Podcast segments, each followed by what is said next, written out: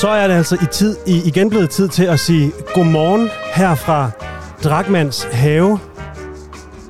Vi sender her på 88,2 radio på toppen. Det er lørdag den 3. juli, og vi har et fornemt program klar til jer, indtil klokken bliver 12. Godmorgen til min medvært, Sara Bang. Godmorgen, Frederik, og godmorgen, Skagen derude. Så er vi altså klar igen, og det gode vejr her i Skagen i dag. Men altså, først øh, har du fået øh, rosénhus ud af halsen fra i går. Jeg synes, det, jeg synes, det var virkelig dejligt, at, at jeg måtte være med i, øh, i første installation af dit eget program. Fantastisk. Det var rigtig herligt. Tak for det. Ja, velbekomme, og godt du er oven vandet. Sara, vil du gå igennem, øh, hvad vi skal nå i dag i radioen for vores lyttere? Det kan du tro. Vi har jo et dejligt program her på 88,2 FM.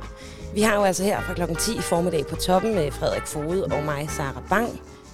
Øh, og her har vi faktisk fået en spændende gæst i studiet i dag, Lis Jensen, som er formand for Skagens Festival. Hende skal vi tale med om et øjeblik. Klokken 10.30 kan du stille ind på øh, smagen af Skagen. Et nyt program her på kanalen med Bob og Borg. Klokken 11 har vi altså Kaminormen med Rikke Mathiasen, som skal gøre det klar på hendes livsvandring. Hun er lidt i en søgen i tiden. Så hun øh, kaster sig over et projekt her klokken 11. Og klokken 11.30 skal vi have fodboldfrekvens med Axel Zacharias og Emil Skovkær. For det er jo simpelthen i dag, at Danmark skal spille kamp imod Tjekkiet. Det er som en i dag, at Danmark skal vinde minimum 4-0 over Tjekkiet nede i Azerbaijan. Og hvis jeg kigger til venstre lige nu for mig, så kan jeg se vores graverjournalistiske fodboldgruppe sidder og gør klar til at lave optakt for 11.30 og frem. Det glæder vi os enormt meget til. Vi har også en reporter ude lige nu for at finde ud af, hvor man altså bedst kan se kampen henne her i Skagen i et segment, vi kalder Radio på toppen, find os på poppen. Og øh, nu kom vi jo lidt, øh, lidt i gang med programmet, Sarbang. Det gjorde vi. Og vi har fået Lis fra Skagen Festival i studiet. Skal vi høre, om vi kan få hul igennem På mikrofonen. ikke? på mikrofon til Lis? Ja, hej med jer. Goddag. Goddag. Tak fordi du vil komme. Det vil jeg rigtig gerne. Så dejligt. Her i vores lille udendørs studie i Drakmands have. Ja, Ja. det er rigtig hyggeligt. Så dejligt. Ja, har ikke skønt? Jo, der er dejligt, og der er skygge, hvor vi står, så det er rigtig godt. Vi står simpelthen under en, øh, en dejlig, stor, hvid parasol, som skygger for de her øh, temperaturer, som kommer op imod 25 grader. Ja, det bliver et brag af et vejr i Skagen i dag. Ja, I kan glæde jer til vejrudsigten. Vi har lavet en rigtig god en til jer. Ja. Men altså, Lis, du er jo inviteret her i studiet, fordi vi gerne vil høre lidt. Egentlig skulle der jo i de her dage have været Skagens Festival. Ja, det er sgu da. Ja. Og den er jo blevet udskudt til næste år. Hvordan, hvordan føles det? Det føles rigtig, rigtig trist. Jeg troede virkelig ikke, man kunne, man kunne ønske sig så meget, og man, øh, jamen jeg kan slet ikke finde ord for, hvad jeg savner. Det er forfærdeligt, både mine musikalske venner, musikeren, vores gæster, det hele, hele det liv, der er i Skagen, det mangler simpelthen den her uge. Ja. Og det er jo andet år i træk. Ja, det er Og så. I skulle jo faktisk også fejre jeres 50-års jubilæum. Og det var jo egentlig sidste år, I skulle have fejret det. Ja, Ja. ja, det var så. Ja, i 21. Ja, Ja, det passer ikke i 20. ja i 20. Det er 21 nu. Ja, netop, ja. Ja. Lige at få. Og Ja. det er jo, altså, hvordan skulle I altså fejre den her... Det havde vi glædet os rigtig, rigtig meget til. Vi skulle have haft øh, flere af sådan, de gamle musikere heroppe, som har været her gennem årene. Og så har vi fået øh, Trane, de to Tranebrødre, til at lave en super dejlig Skagenaften med ene kunstner fra vores egen by. Så der er han samlet øh, par 20 kunstnere. Så det skulle simpelthen have været så hyggeligt. Ja. Ja, Men altså, ud, i næste år bliver der en jubilæumsfejring. øh, ja det gør der. Ja. Det er helt sikkert. Ja. Det gør der. Det er ikke helt det samme program, vi kører igennem. Der er jo sket en masse nyt musikalsk i løbet af den her ko- covid-19-periode, Ja. ikke også? Og de der øh, nye ting er vi jo nødt til at skal have med på vores festival. For vi vil jo hele, tiden, hele tiden gerne følge med i det nye, der kommer. Selvfølgelig. Men selvfølgelig er der mange af de musikere, som vi skulle have haft, der også kommer, for de er stadigvæk up to date og kan følge med. Ja da. Så det glæder vi os rigtig meget til. Det- Så vi sætter sejl til næste år og håber, vi får medvind ind i 22. Ja da. Ja, Men sådan for lyttere, der måske ikke helt ved, nu er der jo forhåbentlig nogle skavbordlytter med, de ved nok godt, hvad festivalen er. Men hvis der nu er nogle lyttere, der ikke ved, hvad det er, hvad, altså hvor stor er øh, Skagen Festival? altså vi er den ældste folkemusikfestival i Danmark. Og hvor, ja, det er jo så 50 år. Det er 50 år. Vi startede i 71 ja, i en lille tusinds villa heroppe, der ligger heroppe bagved, ja. hvor de sad på fiskekasser og spillede, hvor de var samlet fra Norge og Sverige og Finland. Altså de norske sangskriver og, og nogle af vores egen skoledrenge, piger, som, som var med dengang det startede. Så det er tilbage i 50 år nu, ja. Hold ja. Men vi spiller jo alle genrer, ikke? Det er jo rock, og det er folk, og det er folk, og det er rock, og det er jazz, og det er blues, og det er sangskriver, og jeg skal komme efter jer. Der er jo så mange forskellige ting. Ja. Der, det er jo det, der gør, at Skagen Festivalen er unik. At Og vi kommer tæt på vores kunstnere. Ja. På de fem scener, vi har, øh, der er placeret rundt i hele byen. ja. Det så jo ud til indtil ret sent, at I vil gennemføre festivalen i år. Ja, I aflyst senere end de store festivaler. ja. Hvor, gjorde vi. Hvornår gik det op for jer, at I var nødt til at aflyse? Øh, det gjorde det på det tidspunkt, da politikerne de, øh, tog den sidste beslutning og sagde, at vi ikke måtte have lov til at overnatte. Okay. Så er vi nødt til at kapitulere. Vi har 650 medarbejdere, der, der bor, ikke alle bor på skolen, men mange kommer udenbys fra, og vi bor på skolen og på, altså på skolemarken og i skolen, og det måtte vi ikke. Så er vi nødt til at sige, så kan vi ikke lade sig gøre at holde en festival. Desværre. Ja. Så det var simpelthen det der krav om, at man ikke måtte sove på Ja. Skolen for jeres medarbejdere, der gjorde, at I var nødt til at aflyse. Ja. Og ikke, at gæsterne ikke måtte sove i telte og sådan noget. Øh, nej, umiddelbart nej, fordi de måtte jo bruge altså, vores hoteller og campingpladser. Og, Ja. og vi har en øh, festivalcamp for vores gæster ude på Skagen Stadion, og Ja. der overholder vi alle reglerne. Så det kunne også godt have ladet sig gøre. Det der, og vores øh, koncerter kunne sagtens lade sig gøre, for vi har et siddende publikum. Vi har jo ikke de der stående, vilde publikummer. Vi er sådan 40 plus til vores festival, ikke også? Så det kunne sagtens have ladet sig gøre. Ja. Selvfølgelig kan økonomien komme til at knive, fordi vi ikke måtte have så mange ind ad gangen. Men så måtte vi jo gentage nogle koncerter og sådan noget. Okay. Ja. Er, er det der krav om øh, overnatning ophævet nu? Så I kunne i teorien godt, øh, altså hvis I havde haft god tid, Ja, ja, det er gennemføre lidt- festivalen? ja, der er lempet på det, så man Ja. ja. godt må, når man bor væk fra pladsen. Så Ja. må man godt, ja.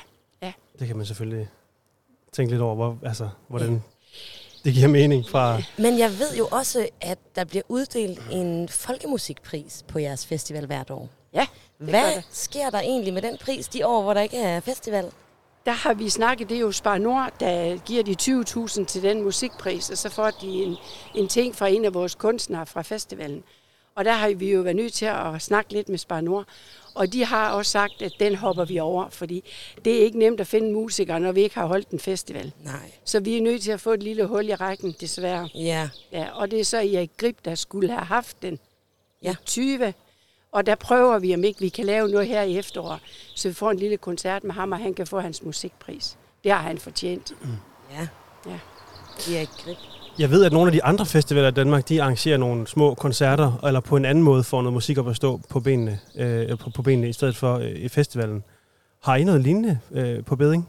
Nej, vi har lukket fuldstændig ned, fordi den der kompensationsordning, der er, det er så svært med de regler, der er der, så gør man noget, så bliver man måske straffet et andet sted.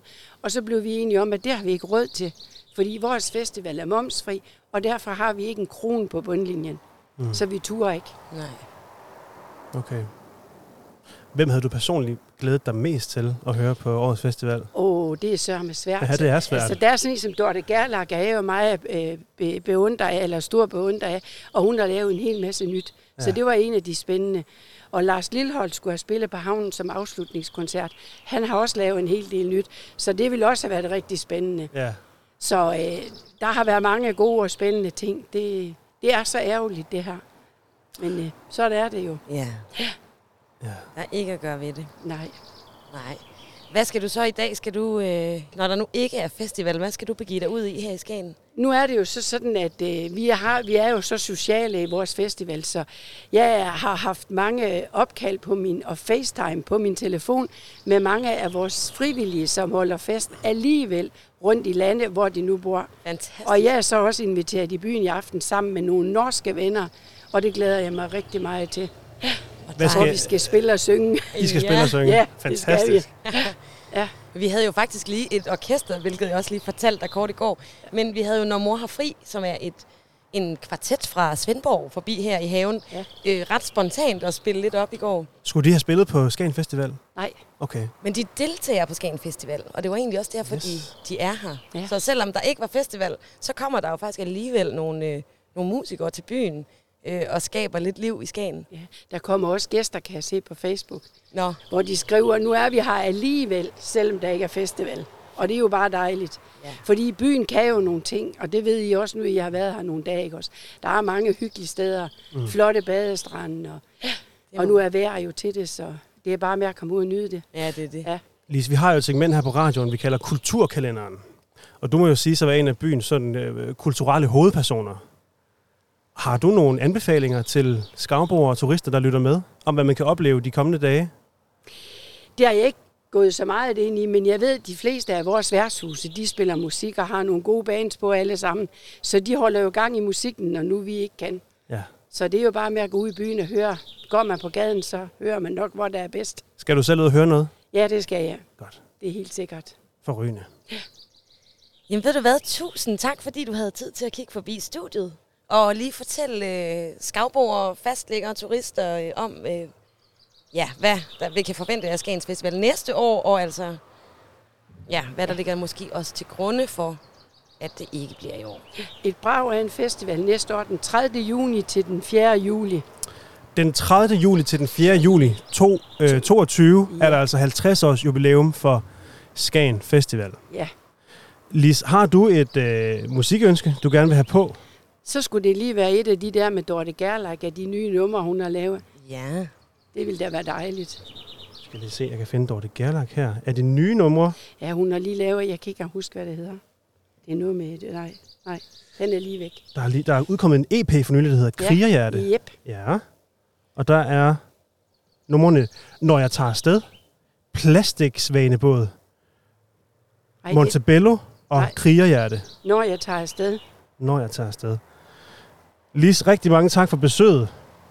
Her spiller vi altså på opfordring af chef for Skagen Festival, Lis Jensen, når jeg tager afsted med Dorte Gerlach.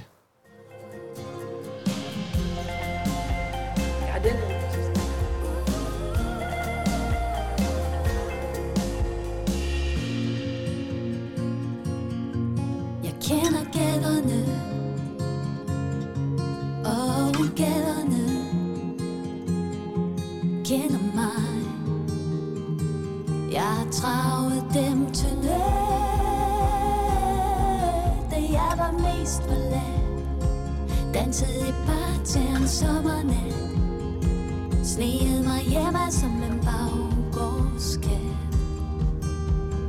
København Jeg ved du glemmer mit navn. Når jeg tager afsted Mit hjerte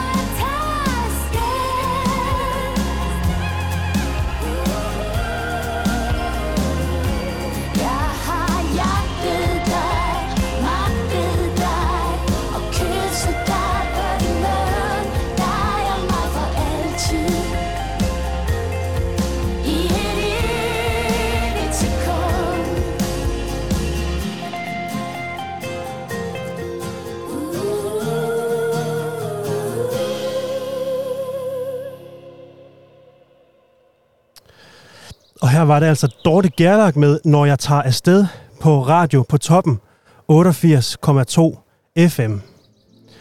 Ja.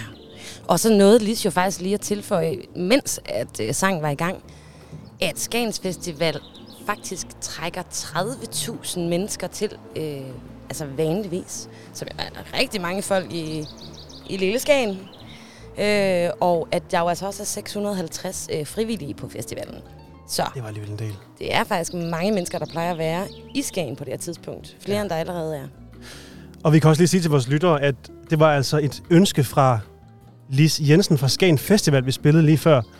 Og hvis du sidder derude og også gerne vil høre noget musik i din radio på toppen, så kan du altså ringe ind til os på 50 35 64 25.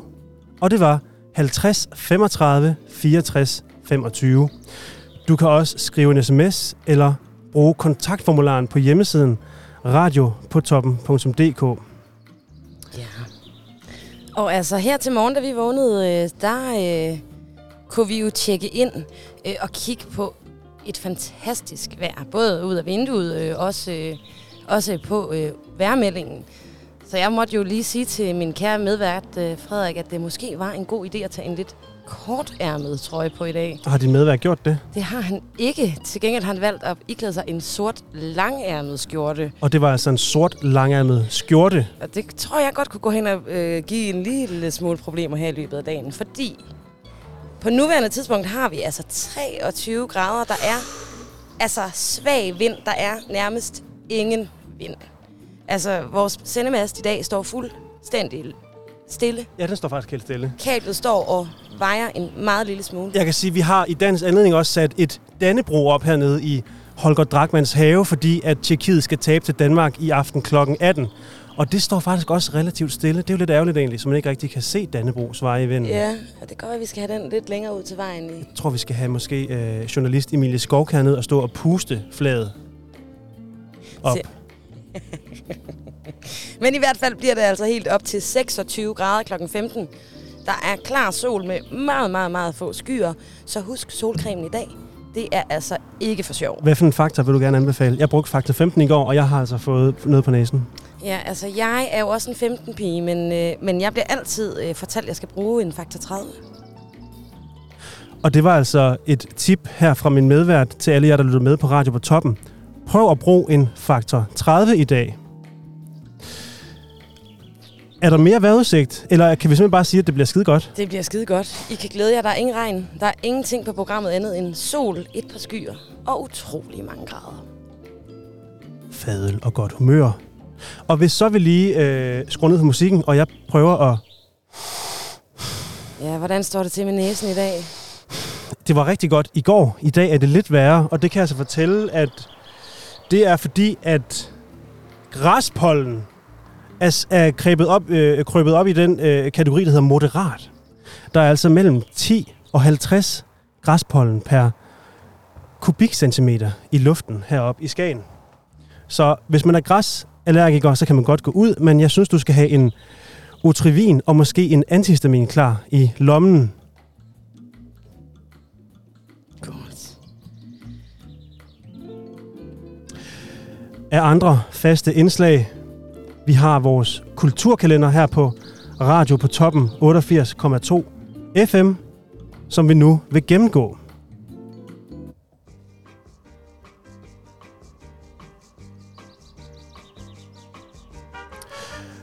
Og ligesom man kunne i onsdags, kan man altså i dag møde den plettede afrikanske horn, hornugle igen i dag fremviser og fortæller naturvejlederen om uler i spørgehjørnet. Kom helt tæt på og mød den plettede afrikanske hornugle. For at deltage skal man købe entrébillet til Skagen Øje Naturcenter. Prisen for voksne er 70 kroner. For børn under 12 er det 30 kroner.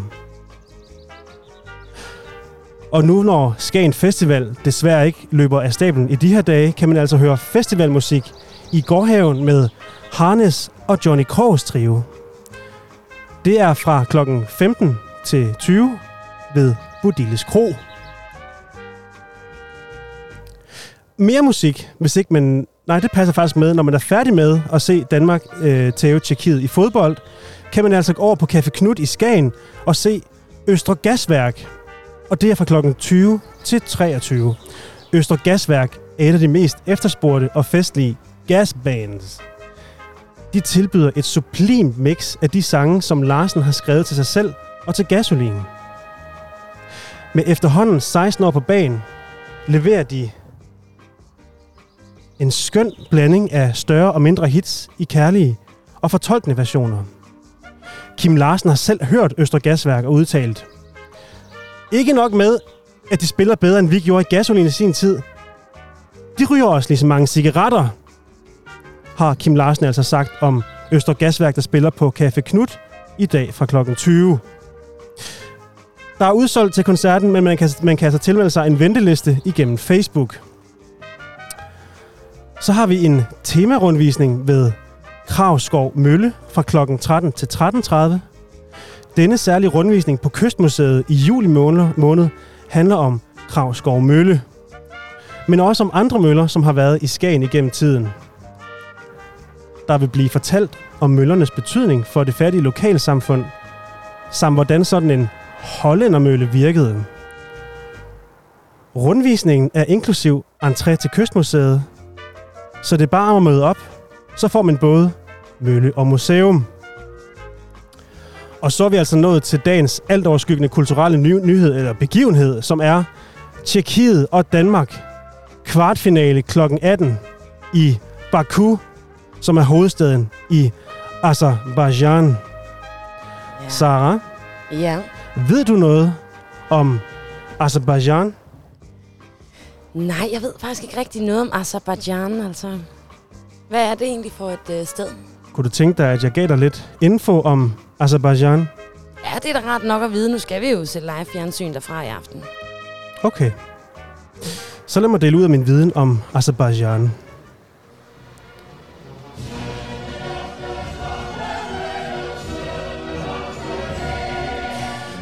Det autoritære styre står hårdt ned på enhver form for kritik, og menneskerettighedsaktivister og regeringskritikere bliver gjort tavse.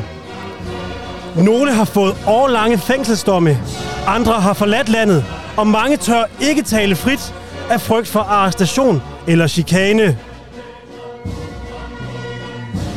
Kvindelige regeringskritikere bliver særlig groft forfulgt og udsættes for trusler, tvang og smedekampagner, hvor de blandt andet hænge ud, hænges ud som dårlige mødre eller mentalt ustabile.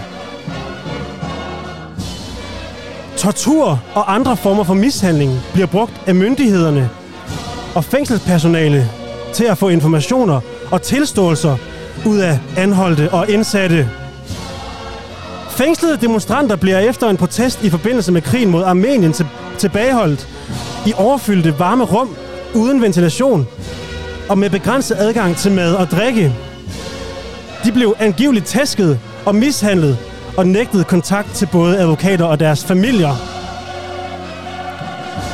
Amnesty National har dokumenteret, at azerbaijanske styrker begik krigsforbrydelser ved krigen imod Armenien i Nagorno-Karabakh i 2020.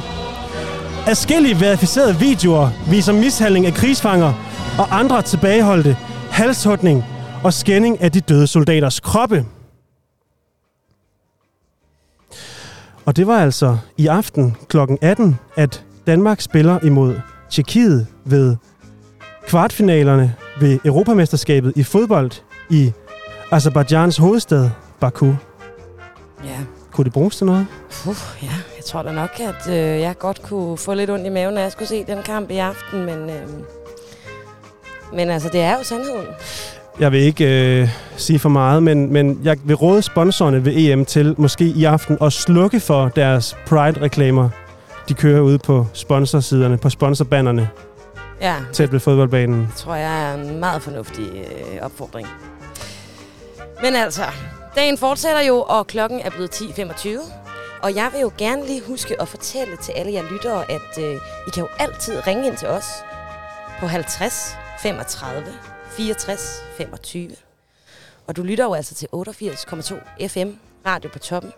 Og er der egentlig ikke noget med, at vi har et slogan for dagen? Hvad er det nu, vores Vi mødtes jo tidligt her i morges omkring klokken... Ja, nu skulle jeg faktisk til at sige 9, for det er jo sandheden, men jeg vil hellere fremstå øh, hårdt arbejdende og ihærdigt at sige, at vi mødtes klokken 7 Ja, og øh, planlagde dagens program ja. og udviklede i samarbejde her på redaktionen dagens slogan. Så Danmark. Fantastisk. Så Danmark. Så Danmark. Så blev det Danmark, eller hvordan skal den forstås? Ja, altså det er jo en, en altså det er jo sådan. Så Danmark. S- Og, og Danmark, så det er så Danmark. Fantastisk. Og, og det skal jo altså bruges meget i aften, når vi har lammetævet tjekkerne i fodbold ved EM. Netop. Så siger vi, så Danmark. Og vi er klar til semifinalen. Det bliver en festdag. Det, bliver en bliver meget, meget, meget spændende i aften. Og vi har jo altså haft øh, nogle skønne, skønne gæster igennem her. Lis Jensen øh, her til morgen. Og, øh, og I kan jo altså glæde jer til, at nu kommer der smagen af Skagen med Bob og Borg. Øh, derefter er der Kaminormen med Rikke Mathiasen. Og kl. 11.30 er der altså fodboldfrekvens med Axel Zacharias og Emilie Skovkjær. Trænger vi til et stykke musik, inden det er tid til, hvad er smagen af Skagen med Borg og Bob? Det tror jeg, vi skal have.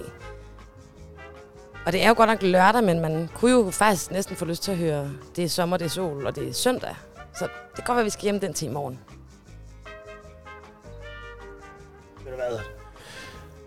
Lørdag har jeg altid kaldt for Lille Søndag. Så her er det altså Lille Per og Ib Schønberg med Det er sommer, det er sol, og det er søndag.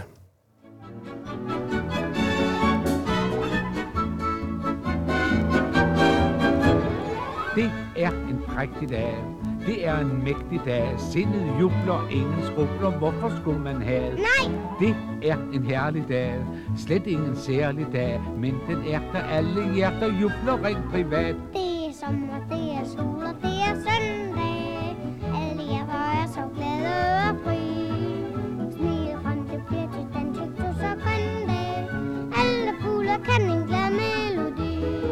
De lyse sider skal du se. Dem skal du se. Jeg kan da hurtigt nævne tre. De tre, du ved. Det er sommer, det er sol og det er søndag. Smiler hver i solskins og søndagshumør.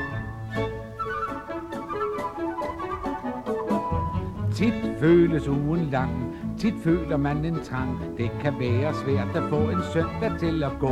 Ja. Seks dage træller vi, med glæde tæller vi. Mandag, tirsdag, onsdag, torsdag, fredag, lørdag og... Åh, det er sommer, det er sol og det er søndag. Alle hjerter er så glade og fri. Smiler frem, det bliver dit ansigt, du så grøn dag. Alle fugle kan en glad melodi. De lyse sider se. Dem skal du se. Jeg kan da hurtigt nævne tre. De tre du ved, det er sommer, det er sol og det er søndag. Smiler hver i solskins og søndagshumør.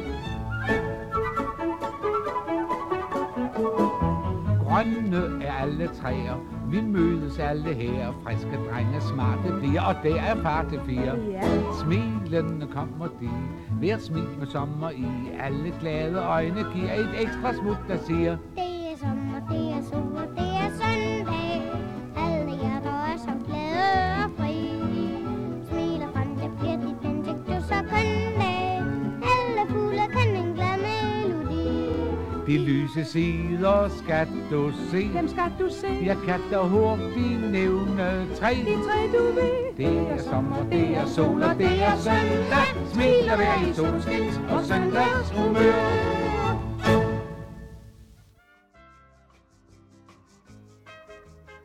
Og nu gør vi altså klar her på Radio på Toppen 88,2 FM til at sende første installation af Radio på Toppens madprogram Hvad er smagen af Skagen? Din, bobber, din værter er Frederik Borg og Bob.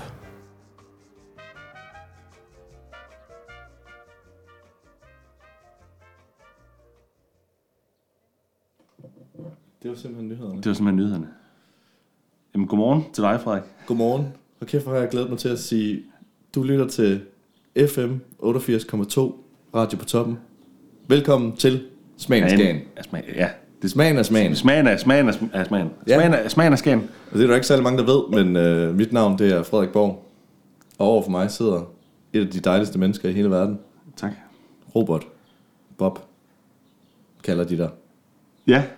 Mads Nielsen. Åh, du skulle lige have Mads med. Ja, det kan jeg godt lide. Ja, pis. Jamen, den, min mor kan også godt lide den. Ja. Jeg husker, hun har spurgt mig, hvorfor jeg ikke bruger det. Er det et familienavn? Nej. Nej. Øh, jeg, jeg, jeg, jeg, det ville være fedt, hvis det var, havde en eller anden connection til Mads Skjern. Ja. Øh, men det har det ikke. Det har vi, det ikke. vi har bare alle sammen et... Øh, ja, sådan et almindeligt navn. Ja. Det, er, det- er det sådan et... Øh, jeg tror, der er nogen, der kalder det sådan en, en mobbebuffer. Død. Ja. Hvis man har et eller andet sådan lidt for utrædet fornavn, Ja. gerne fordi man har forældre fra Østerbro eller sådan Ja. noget, ikke? så kan man lige have et eller andet almindeligt, man også lige kan blive kaldt. Hasselnød Petri. Ja, Ja, færdig den anden. ja. Lige præcis. Øh, Nej, men altså, øh, ja, med det sagt, altså, vi, øh, det hedder Smagen Skagen, det her program. Det har vi øh, opkaldt det, fordi at øh, det simpelthen er officielt, at vi skal til Skagen for at lave radio. fantastisk. Og så tænker du nok, at vi sidder i Skagen lige nu. Det gør vi ikke. Nej, det var der ikke råd til. Det, var det sparet væk. Vi sidder i Nordvest. Øh, ej, vi skal det var faktisk meget billigt. Til, ja, Vi sidder i Nordvest. ja. Vi skal ja. til Skagen, øh, men vi skal først derop i uge 28-29. Så det her det er sådan en lille præ-camping-event, vi har sat op, øh, hvor vi skal sidde og snakke lidt om Skagen, og hvad vi forventer os at se i Skagen og høre om i Skagen. Øh, så Og vi har- skal have jer til at byde ind med, hvad vi skal Lige præcis. opleve i Skagen. Lige præcis. Øhm, så vi har anrettet med et lille traktement her, hvor vi skal have en lille bøtjolejs og øh, lidt lokale specialiteter fra Ålbæk. Jamen, vi skal jo bo i... Altså igen, det er, vi, vi kører den jo sparet. Ja. Vi er i Nordvest. Der var så dog råd til at komme til Skagen. Næsten. For vi skal bo i Ålbæk, Aalbæk, Ja. noget der. Ja, og de laver... De, altså de, øh, det var det eneste, jeg kendte til det år. Udover selvfølgelig øh, Peter Aalbæk. Ja. Øh, jeg tror ikke... Hans pølse skal jeg ikke have. Nej. Men det kan man ikke vide, hvis man er på Centroma. Så, så kan det, det kan godt være... Det vil jeg ikke sige nej til. Men, men øh, de laver Jeg synes, du skal sige nej, men ja. Okay. Ja. Sig nej til Peter Olbæk. Ja. Ja. Øh, de laver noget, øh, noget pils. Lav noget pjos. Øh, Olbæk, noget, jeg ved, de, man kalder det, jeg tror, de vil være ked af, selvom man kalder det øh, charcuterie lige frem. Ja. Jeg tror, du ved, det nordjysk, det er pils. Ja, og man kender det nede fra øh, i hvert fald Kvicklis øh, hylder. Ja. Har de den liggende. Og det skal siges, der er ikke noget af det her, der er sponsoreret. Vi har købt det for vores egen øh, rigsdaler. Ja. Og, øh, Pant. og, og, og vi vil sige vores helt ærlige mening om den her pils. øh, det skal I ikke øh, tænke på overhovedet. Men, jeg har lige øh, snakket med, med, med resten af holdet, der. Vi, vi, må godt, øh, vi må faktisk godt få lidt spons. Okay, så hvis de lytter derude... Så Aalbæk altså Olbæk selv, Ja, send Peter sådan- Olbæk hedder han faktisk Ja, også. ja, ham, der ja, det gør han nemlig. Det er jo det. Det er ret fedt. Øh, Send, send en kvartpal Ja. ja. af noget Ja. ja. og så, så sørger jeg lige for at have plads i køleren. Men, men altså, en ting er, at vi skal til Skagen. Men vi har ligesom lavet det her program Smagen af Skagen, fordi vi begge to elsker mad og kultur. Så vi tænkte, det skulle ligesom være et program om mad og kultur. Men hvad Også lidt, også lidt nogle drikkevarer måske. Ja, der skal nok også være lidt, øh, lidt godt til ganen. Men hvad det ligesom skal indeholde, det vil vi håbe, at vi kunne lade være op til jer, lyttere. Øh, og ligesom, fordi vi har været i Skagen før, men vi ved ikke særlig meget om Skagen. Så det kunne være rart at ligesom få nogle inputs til, hvad man skal se, når man er i den skønne by. Øh, og der vil vi gerne opfordre jer til at skrive ind på mailen post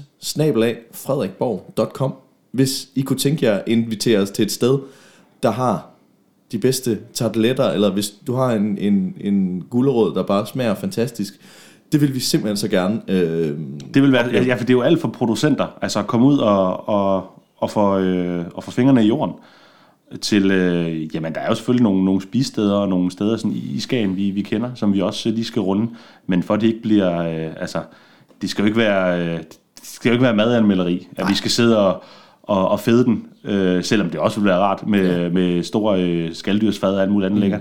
Vi, skal, vi vil gerne ud og møde nogle, øh, nogle spændende, sjove mennesker, nogle ja. ildsjæle, som laver noget, øh, brygger noget, laver noget, dyrker noget, et eller andet. lige Øh, præcis. Lige præcis. Det vil være skønt. Øh, I, nord, i, også i, nord, altså i det nordligste Jylland i det hele taget, det er jo ikke, det er jo ikke sådan, at øh, jeg tænker ikke, der bliver groet så meget ude, ude på grenen Nej. i sandet.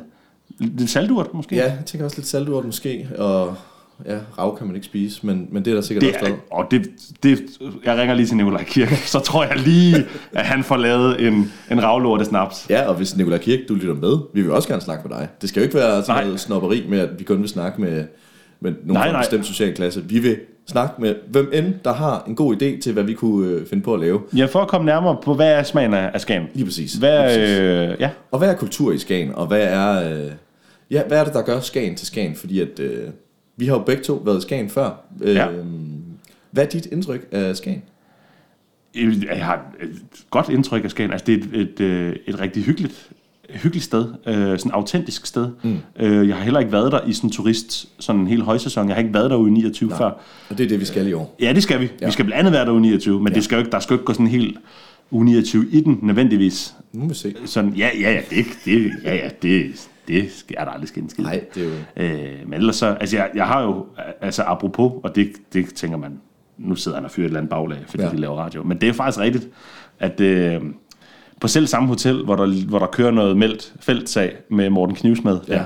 øh, Koller Hotel, øh, der, øh, der havde jeg sådan min første, øh, sådan, ja, madoplevelse, sådan hvad jeg husker. En i at- gastronomisk Ja, sådan en gastronomisk... Øh, opvågnelse, eller hvad man skal sige. Ja, en, en, awake, en awakening, ja. Ja. hedder det. Ej, ja, ah, ældre har jeg heller ikke været, men det, var, men det, var, det gik op for mig der, at der faktisk var forskel på mad. Ja. At det ikke kun var, at det ikke kun var sådan noget føde, men at der faktisk godt kunne, der kunne være forskel på kvaliteten. af- Jeg var, ja. Fordi jeg var i Skagen øh, med mine forældre Ja, dengang. Jeg har været en, hvad har været, en 12 år måske, eller sådan et eller andet. 12 pakker pølsehøj Ah, der. det kan godt være, jeg 10-12 år måske. Ja, Øh, og, så, og, så, og vi boede på Koller Hotel. Ja.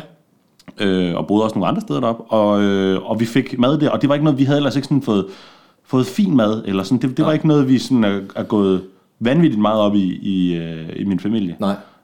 Og så var vi derinde og spise. Mm. Øh, eller ja, vi boede der jo. Og, så, øh, og, og det, det var fandme lækkert. Ja. Bare sådan det der med, at de var anrettet på en helt anden måde. Og jeg fik også øh, jeg fik voksenmad. Ja, Så det var ikke børnemenu. Altså, der var ikke, for det tror jeg ikke engang sikker på, der var. Nej. Så jeg fik ligesom det, øh, mine forældre også fik. Og der var jeg sådan, okay, det kan jeg godt se det her. Jeg kan godt se, hvad I snakker om her. Jeg kan huske, jeg spurgte mine forældre, hvad, hvad er det her for noget? Mm. Og, hvad? og noget vidste de, og noget, det, det har de sikkert bare, ja, det er en kartoffel. Ja. Ja. Eller, andet. det er jeg ikke sikker på, at der, der var nogen af os, der vidste. og, øh, så, det, så det er sådan, det er mit stærkeste minde af, øh, af Skagen, faktisk. Så, sjovt nok noget Ja. med mad. Og så har vi selvfølgelig været på grinen og hvad man ellers skal. Råbjerg Mile og... Ja, ja, ja, ja. Ja. Hvad, hvad, hvad med dig? Du, du, har også, altså, du har også været i Skagen. Ja, og det værste er, jeg, jeg kan ikke rigtig huske, hvad jeg har lavet, når jeg har været i Skagen. Det er også fordi, jeg, jeg har virkelig, jeg føler, at jeg er et menneske, der har set ret meget Danmark. Øh, det er også øh, før det her corona halløj, synes Ja. jeg også, det var fedt at rejse rundt i Danmark og sådan noget. Så, så det, det blander sig jo lidt, men jeg kan i hvert fald huske, at jeg har set Råbjerg Mile.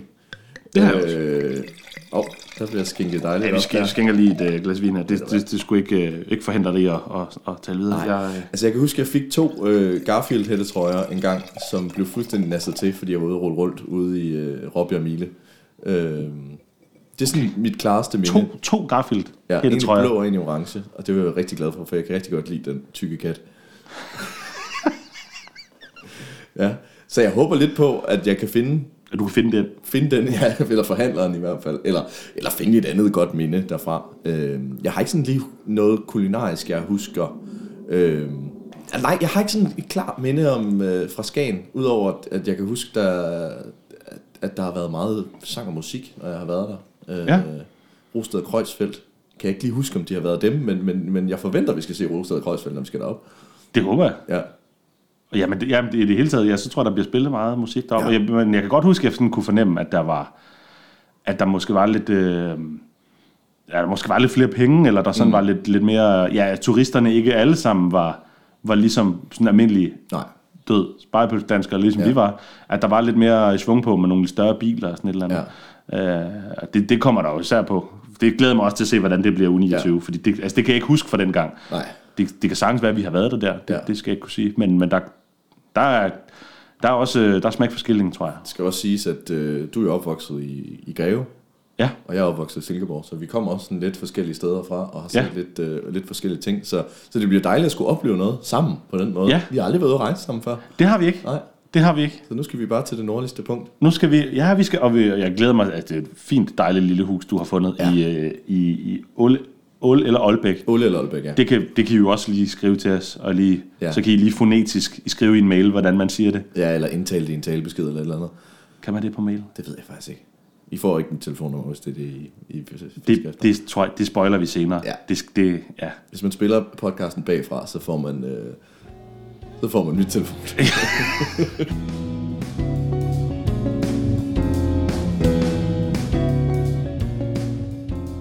øhm, kan du huske, hvad det var, du fik at spise øh, på Kolde Hotel? Jeg kan huske, at, øh, at der var en, øh, det man kalder sådan en kartoffel fondant. Ja. Øh, super lækker, altså hvor- jeg tænkte, kat- kartoffel smag, jeg tænkte, en- kogt kartoffel, i Ja, en firkant, ikke? Ja. Øh, men den var jo sindssygt lækker. Det er jo sådan en, der er sådan, så, sådan har den stået og, og, og simret lidt i noget, i noget smør og, mm. og gode ting. Og der var... Øh, og der, så var der noget, noget, noget glasagtigt. Jeg, Ja, ved ikke, og ja. jeg ved ikke, om man... Altså, decideret vil kalde det demi-glas. Ja, nu sidder du og gør store øjne. Ja, det er lækkert. Øh, det kan også godt være, at det bare har været en kraftig sauce. En kraftig sauce. Men det var der. Og der var nogle, nogle stegte svampe, mener jeg. Og der, jamen, der var... Vi skulle tvivl, om det faktisk var en, altså en, en sådan pomme fardang, eller om det var en pomme anna. Der var sådan et eller andet i noget firkant af Ja. noget øh, kartoffel. Og så var der noget løfte sindssygt lækker kød. For, for lytterne om, hvad forskellen på en, en pom Anna og en pom hvad? Pomme fondant. Ja.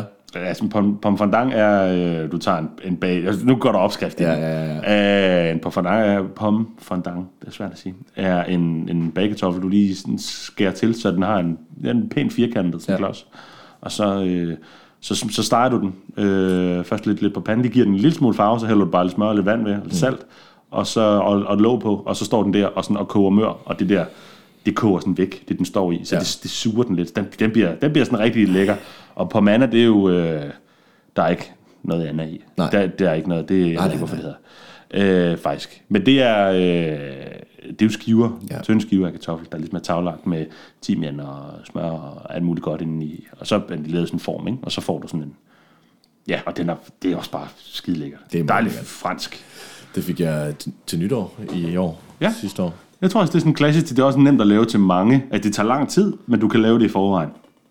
Ja. Øh, så det tror jeg er sådan en klassisk ting. Men Så det vil vi gerne opfordre jer til at lave øh, i aften, hvis øh, Ja, I stadigvæk mangler at handle ind til, til hvornår I lytter til det her. Nå, jamen øh, skål. Vi får lige et øh, glas, øh, ja, lige til at starte dagen på. Mm. Lige et glas øh, Beaujolais. Beaujolais, hvis mm. man er, alt efter hvor man er fra. Øh, fordi vi skulle lige have, vi skulle lige smage på, det, det, det er ligesom en, ja, det er starten af Skagen. Vi er ikke nået helt til Skagen nu. Nej. Men vi skal lige have, hvor vi skal bo. Aalbæk, mm. Aalbæk, Pils. Og der passer, øh, der passer Beaujolais bare godt til sådan noget ja. charcuterie, sådan noget, sådan noget røget fedt noget. Fordi Beaujolais har sådan lidt, øh, den har, den har syre, mm. men den har også, øh, den har også sådan lidt frugtsødme. Øh, og det, altså sødme og røg, det går altid godt. Det går godt. Ja, og det passer sådan til sådan en, en røget pils, som ja. den her. Fordi den er jo ikke sådan fed i det, sådan en Beaujolais. Øh, Overhovedet ikke. Altså, det er jo næsten det nyeste vin, du kan få. Det er ikke en Beaujolais-niveau. Vi er ikke helt ude i sådan en Torkel Thuring staftvand der. Nej. Men, men det er stadig en, det er stadig en, altså det er unge vin. Ja. Og det er ikke noget, der skal ligge længe. Det skal så køb og drik det. Køb det og drik det. Det synes jeg generelt, man burde gøre med alt, hvad man... Ej, du gurler i det der. Det er Ja, dejligt det- at høre. Dejligt at høre. Og den er, den er dejligt frisk. Ja. Og sådan lige til den kølige side, men det, ja. men det plejer også at servere, servere det måske lidt koldere end de ja. fleste. Det er også nemmere, altså når først den er, det, altså, er varmt, så kan der ikke rigtig noget at gøre ved det. Ja, i den hede, vi har lige nu, så, skal, så synes jeg sgu næsten, det bliver varmt, hvis det ikke lige bliver køligt. Ja, Så, men vi har fat i en klassiker, George de Bøf, ja simpelthen, altså for ikke at, for ikke at gå alt for, for fint til værks. eller springe budgettet for den sags skyld, som Også- jo er 0 kroner. Også det, ja, ja, ja, det, det, det er helt, altså, det, vi er hverken betalt eller noget som helst, det her. Altså, I kan høre det, altså, vi optager i Nordvest. Ja. Altså, der er der, er der nogensinde blevet lavet radio i Nordvest? Der er sikkert blevet lavet nogle gode uh, rapskiver herude. Ja, et det eller andet tror jeg sted. også, der er. Det tror jeg, men... Uh, Det kommer vi ikke til at stå for. Jo, det skal du ikke sige. Det, det, skal, det, det kommer an på, hvor meget Beaujolais Beaujolais vi får. Ja. Det, altså, så kan det godt være, at... Uh, Det bliver ikke lige i dag i hvert fald. Nej. Nej. Men der er der lidt ordsmed i dig, er der ikke det? Jo, jeg kan godt se, så skrive et par rim ind. Øh, Ja. Men altså, det er jo også det. Det er jo lidt... Øh, det skal man passe på med Ja. at begynde på. Lige pludselig. Jamen, det, jamen, det, er også, det vil heller ikke være... Altså, jeg hører ikke rap. Nej, det gør jeg heller ikke. Folk, ja, og nu vil folk tænke, er det rigtigt? Kan Ja. det passe? Ja. Øh, men Du jeg hører Greve, og du i noget ja, og du faktisk, kan ikke rap. for, faktisk for hundi. Så Ja. det er helt, altså vi er helt på sådan grænsen til Ishøj. Hun dissel. Hun dissel, Ja. ja. men nissel, shizzle, eller, ja, det var mine referencer til rap. Det var sådan noget, sådan noget 20 år gammel for, for en eller anden, øh, en eller anden ræd af amerikansk film. Øh, jeg hører ikke rigtig rap, så, så det vil være, øh, det vil være uægte af mig at forsøge. Ej, så heller noget Roster Kreuzfeldt. Det, altså, ja, Ej, det tror, kan du, tror du, vi kan møde Rosted og Kreuzfeldt deroppe? Det vil jeg meget gerne. Det vil jeg altså også virkelig kan, gerne. det, det, vil jeg, det vil jeg meget gerne. Det vil være rigtig dejligt. Ja, det, jeg tror, de er hyggelige. Jeg tror også, de er gode. Ja, det, det tror jeg Gode kammerater. gode kammerater. Ja. Vi kan være, vi kan få lov til at spørge, om vi må bruge deres øh, nummer som jingle.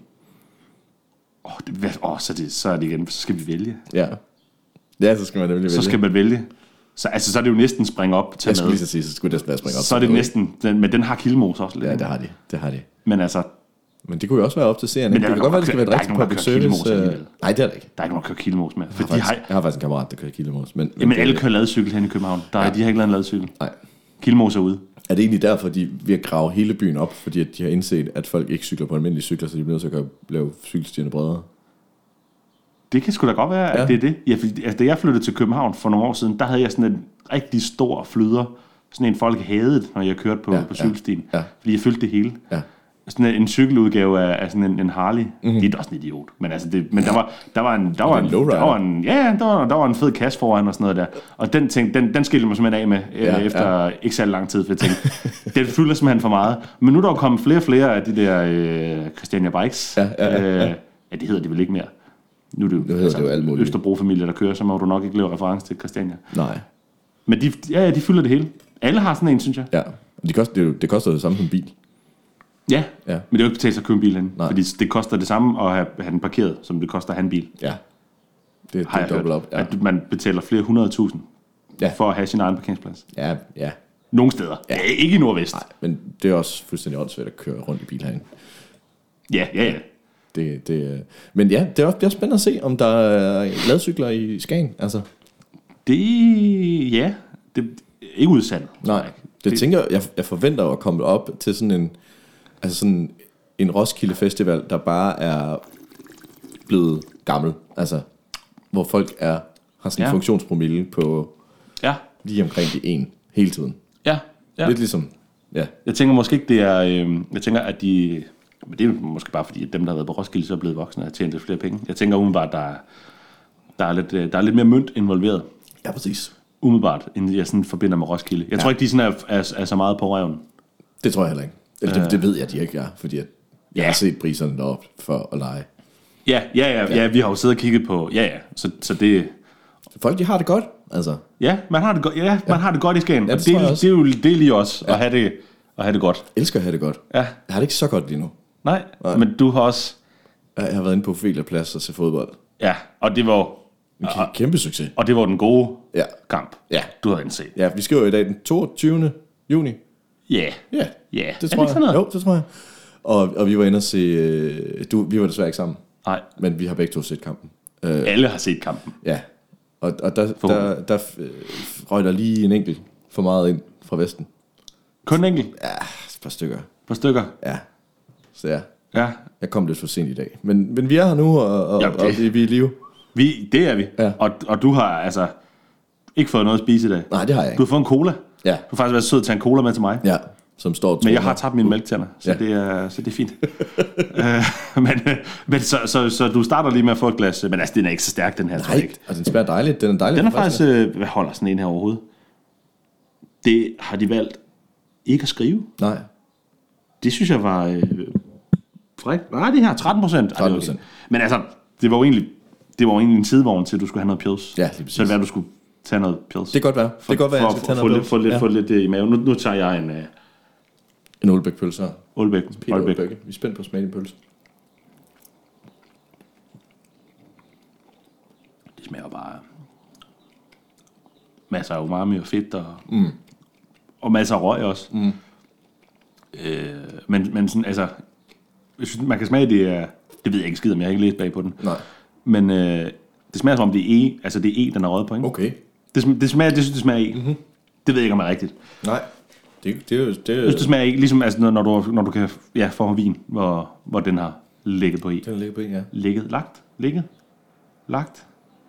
Det tror jeg også kommer an på, hvor man er fra i landet, ikke? Ja. ja det er vel ligget, ikke? Jo, men der, jeg, altså, Det kommer op, den er blevet lagt. Jamen dem, jeg, jeg kender en del fra Sønderjylland, de siger lagt. Ja.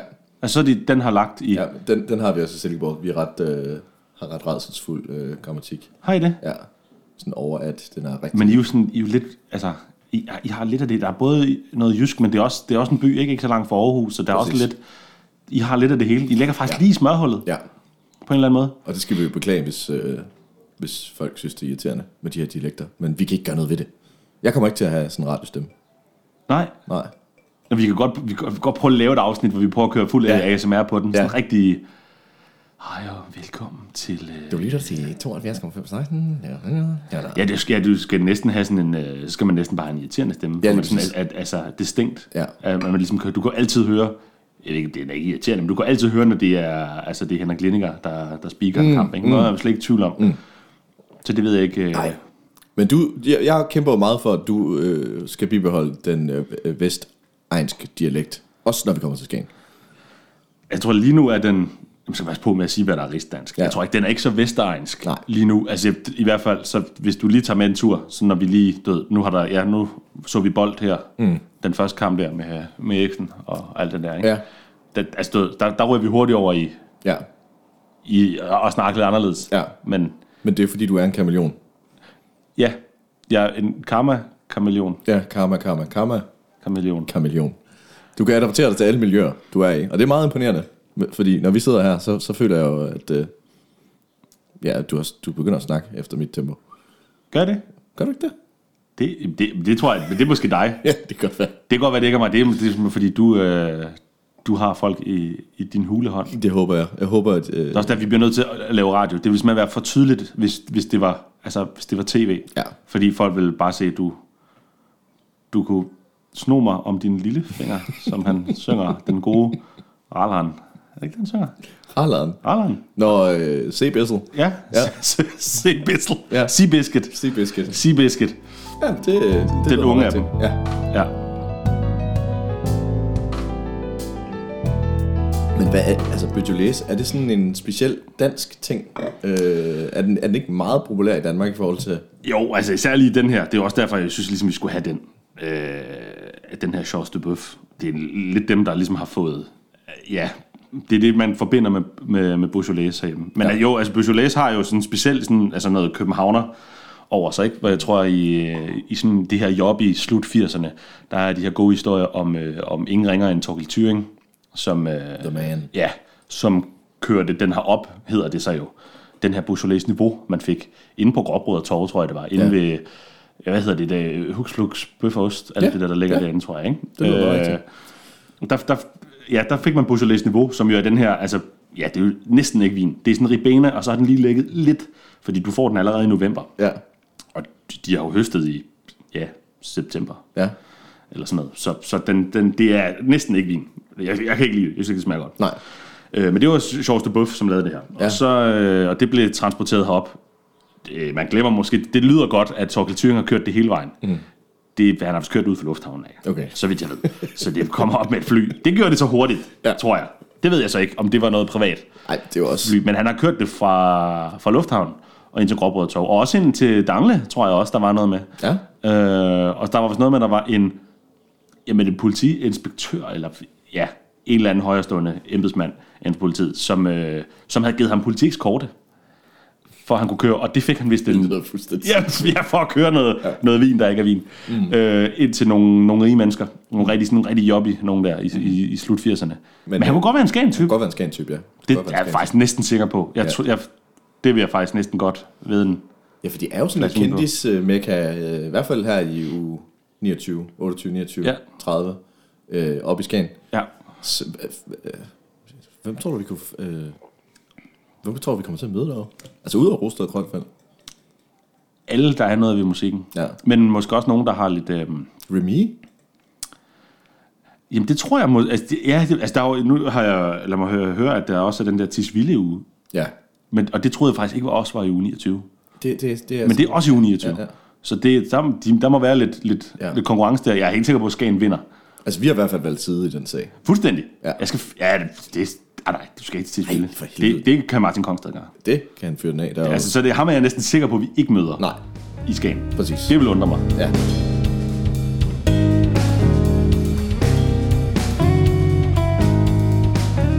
Øh, men jeg, jeg, jeg tror sgu da, altså jeg, nu er jeg jo vildt dårlig til sådan noget, kend, altså at kunne nævne kendis, tror jeg. Men, men Det Jeg tror, at vi kan se mange derop. Jeg har hørt, at Jim Lyngvild kommer derop. Og det vil Eller er, er deroppe. Ja, Øh, der er en guitar med.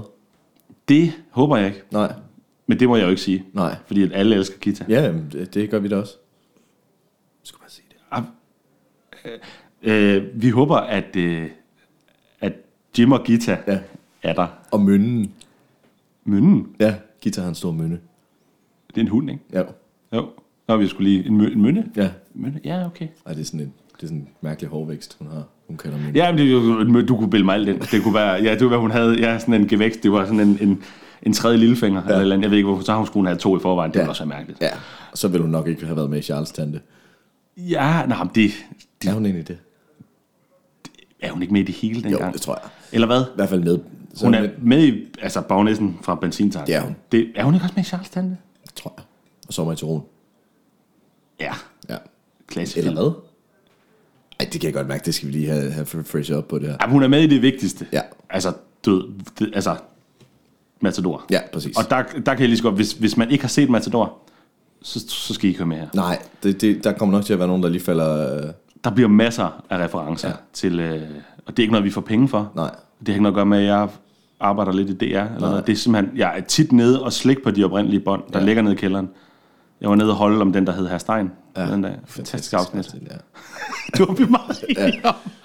Ja. Øh, Det, er jo, det er jo også der, hvor hovedpersonen virkelig træder karakter i det afsnit. ja, ja, ja, ja, altså hovedpersonen. Hovedpersonen. Ja, altså din, din hovedperson, ikke mindst. Hovedpersonen i serien. Ja, Den, som serien handler om. ja.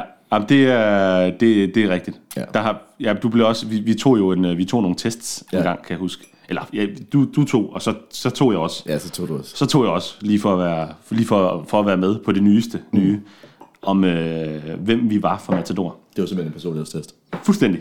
Og, og du var entydigt Mode. hovedpersonen. Ja, hovedpersonen. Maud. Ja. Og jeg var, jeg var lidt her, der, ja, alle vegne. lidt der, der. Jeg var, jeg var både øh, Dr. Hansen Ja. og, og Agnes. Ja. To egentlig meget. Altså det, det, blev- det var meget, øh, det blev jeg meget glad for på en eller anden måde. Men vi blev enige om, at jeg i virkeligheden var Skjold Hansen. Ja. Du er i hvert fald ikke Dr. Hansen. Det er du sgu ikke. Nej, det, er, nej, det Det tror er jeg ikke. for... Det er du sgu for... Jeg er heller ikke sikker på, at jeg er Agnes. Nej. Øh, Du, så du, vi har, blev, du har nogle markante meninger. jeg føler ikke rigtig, at der er nogen af dem, der har.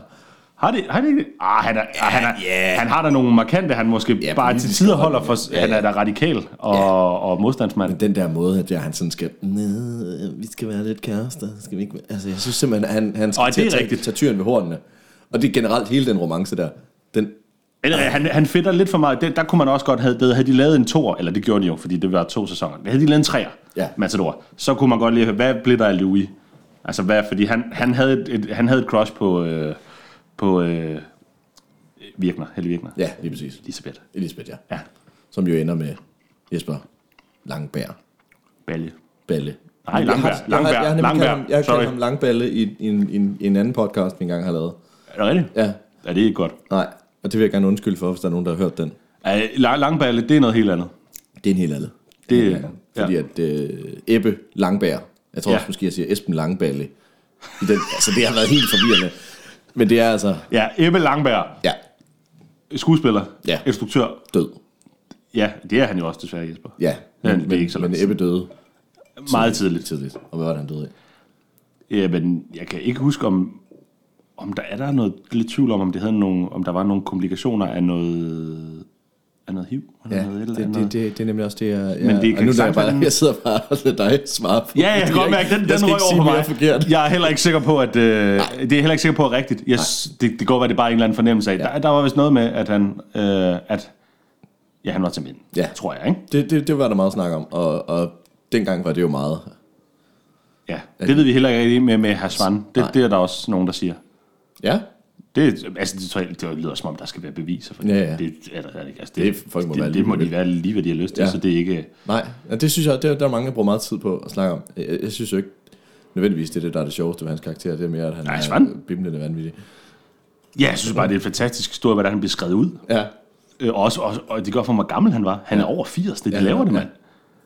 Øh, ja, men, men han, han, er en af, altså, ja, han er en af dem, der som spiller ja, så godt ved, Ja. at han er så øh, åbenlyst irriterende. ja. Jeg ikke sidde og kaste med pølsen. Undskyld. Det var tidligt på dagen. Ja. Sidder, øh, der er virkelig nogen, der spiller er virkelig godt. Altså ligesom når, hvis man ser Klovn og synes, at Mia er vanvittigt irriterende. Mm. Det må være, fordi hun gør det pissegodt. Åh, sindssygt. Øh, og det samme der, der er bare nogle, altså der er bare nogle møger, og øh, hvad hedder hun, hende, øh, hende den, den meget skræmte, øh, der også står i Damernes Magasin. Ja. Vi, hun hedder Vera Gibur i virkeligheden. Jeg kan ikke hvad, fanden hedder hendes karakter nu? Det kan jeg ikke. Men ja, der er nogen, som er sådan åbenlyst, åh, oh, fuck de er til. Det må være, fordi de, de spiller bare pissegodt. Mm. Ja, for Gita, hun er jo ikke irriterende i serien. Nej, nej, nej, nej, nej, nej, det er- det er rigtigt. Jeg har til gengæld hørt, at, at hun... Godt ja. kan være lidt irriterende i virkeligheden. Ja, det, jamen, det vil jeg jo ikke kommentere på. Nej. Det vil jeg jo slet ikke kommentere på, for jeg gør alle Vi elsker Gita. lyttere hver gang, vi siger Ja, det. ja, og jeg, helt, jeg kunne godt forestille mig, at Gita måske er i, altså i øh, A-scan. Og altså, jeg skal ikke i kampolage med Gita, fordi sindssyg? så er jeg færdig. Hun laver Så godt. min røv om til den hat, Charles Tante havde på. Du kommer til at stå og flippe burgers ud på en monark, hvis det fortsætter. Ja. Men hvad... Øh, ja. Har, hvad, hvad kunne vi godt tænke os at se derom? Altså udover det, som folk jo selvfølgelig... De bedste oplevelser er jo tit dem, man ikke regner med, hvad man skal se. Fordi. Ja. hvis man går ind på TripAdvisor eller et eller andet raller, øh, så er det jo ikke særlig mange sådan, ting, man, man, man lige tænker sådan, har kæft, det skal vi i hvert fald se, når vi kommer til Skagen. Der er en fiskerstatue, og så er der Robbie Mile, og så er der den tilsandende kirke, og så Ja, grenen. ja.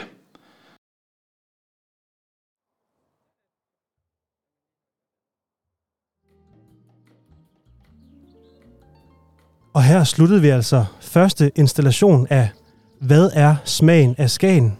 med Frederik Borg og Bob. Vi sender anden installation af Hvad er smagen af Skagen i morgen? Og det gør vi kl. 11.30. Og så har vi fået en efterlysning her på Radio på Toppens kriminalredaktion. I nat klokken 2 blev Johanne påkørt af en kvindelig cyklist imellem rundkørslen og campingpladsen på Fyrvej. Johanne var selv let beruset, men faldt, og cyklisten fortsatte. Så hvis du sidder derude og er en kvindelig cyklist i alderen 40 til 45 og har kørt en beruset tjener ned omkring klokken 2 i nat på cykelstien mellem rundkørslen og campingpladsen på Fyrvej, så kan du altså ringe ind på 50 35 64 25, og det var altså 50 35 64 25. Vi har sænket sværet, og vi er klar til at viderebringe din undskyldning til Johanne, som altså blev påkørt i nat af en kvindelig cyklist. Nu gør vi klar hertil på Radio på Toppen og sende første installation af vandreprogrammet Caminoen med Rikke Mathisen og naturvejleder Frederik Evald. Jeg bringer dementi. Det er Rikke Mathiasen.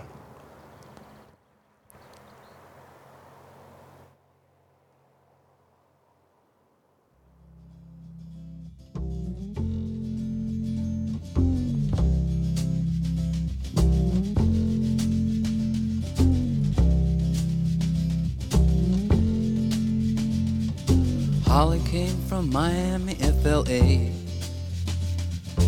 Hitchhiked away across USA. Plucked her eyebrows on the way, shaved her legs, and then he was a she. She says, Hey, babe, take a walk on the wild side. Said, Hey, honey, take a walk on the wild side.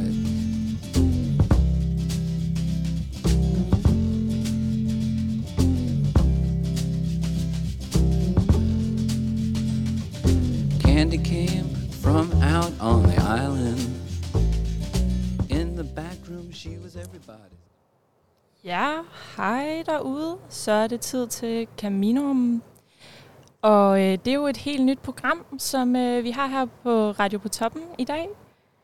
Øh, det, som øh, inspirationen til programmet stammer fra, det er jo, at der er mange danskere og folk fra verden over, som nyder at tage ned til Spanien og udvikle sig selv via en lang rute, der hedder Caminoen. Og øh, så blev jeg jo inspireret til, at vi har alle sammen brug for lidt selvudvikling, specielt hos mig. Jeg går og stresser dagen lang. Og det, øh, det kan man jo gøre her i Skagen, fordi det er jo en smuk natur, så jeg tænkte, at jeg skulle hele vejen ud til grenen. Og øh, hvis man øh, ikke er så meget til at vandre, så kan man jo tage sandormen. Og øh, derfor hedder programmet altså Kaminormen. Øh, jeg er jo ikke selv en habil vandrer, og jeg har ikke prøvet det så meget før. Så derfor så har jeg inviteret Frederik Evald ind i studiet, som øh, er søn af en skavbo og har gået meget rundt heroppe før.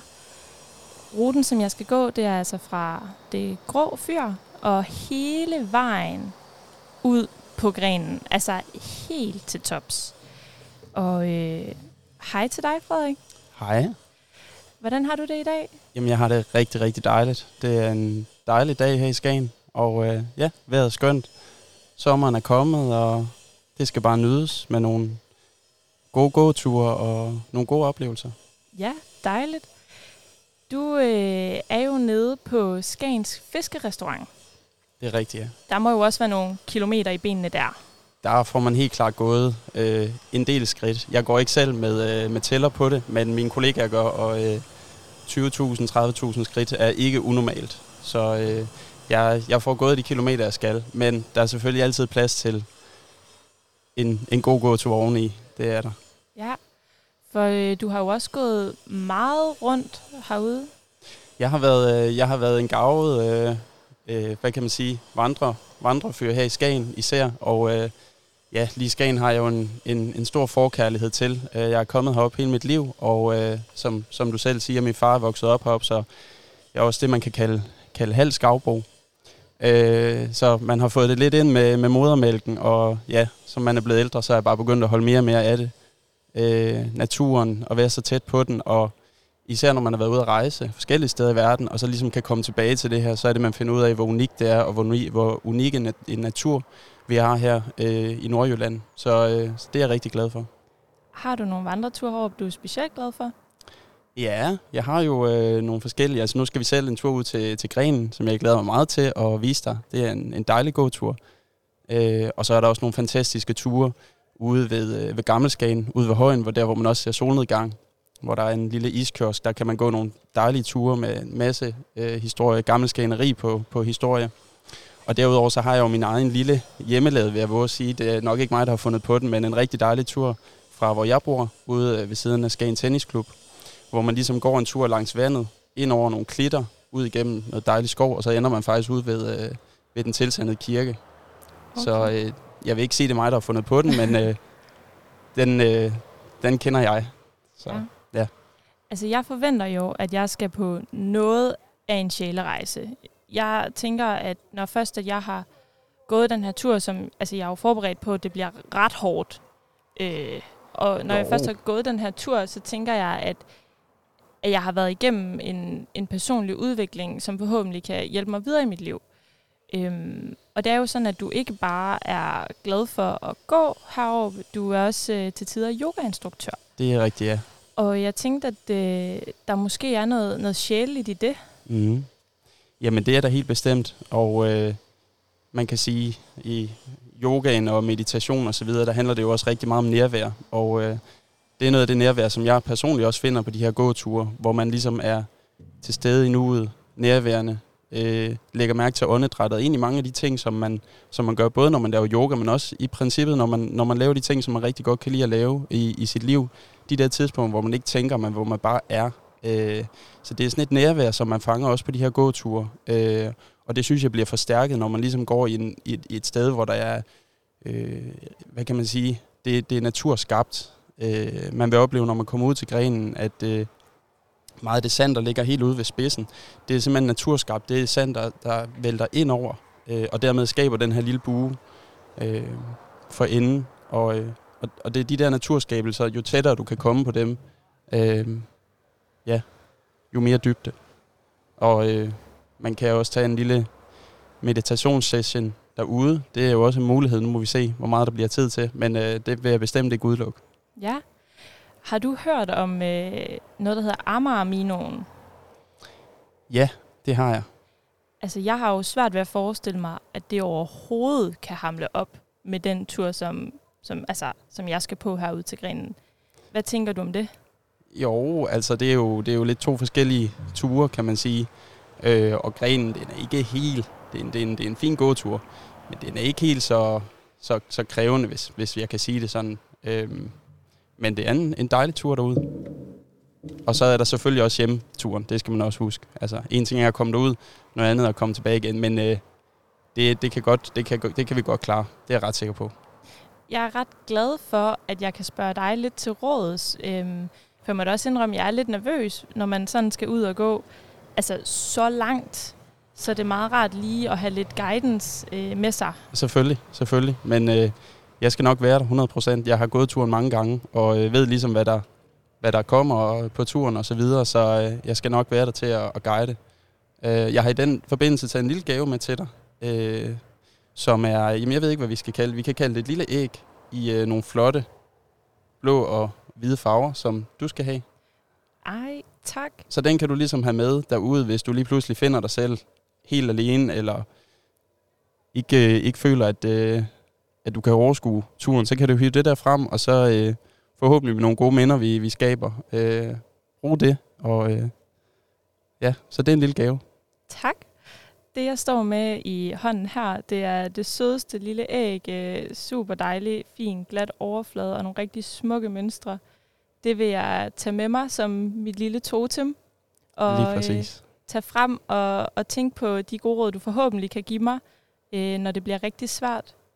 For øh, jeg forestiller mig også, altså for at kunne udvikle sig, så skal man jo igennem de der nedture. Det er klart. Ja. Og når man skal, altså sådan en lang rute, som jeg skal på fra det grå fyr, og så altså hele vejen ud på grenen, så kan jeg da ikke forestille mig andet, end der kommer nedtur. Og det er også derfor, jeg tænker, at jeg vil gerne være rigtig godt forberedt. Øhm, så jeg tænkte lidt, at vi kunne snakke om, hvad der er en god idé at have med på sådan Mhm. en tur.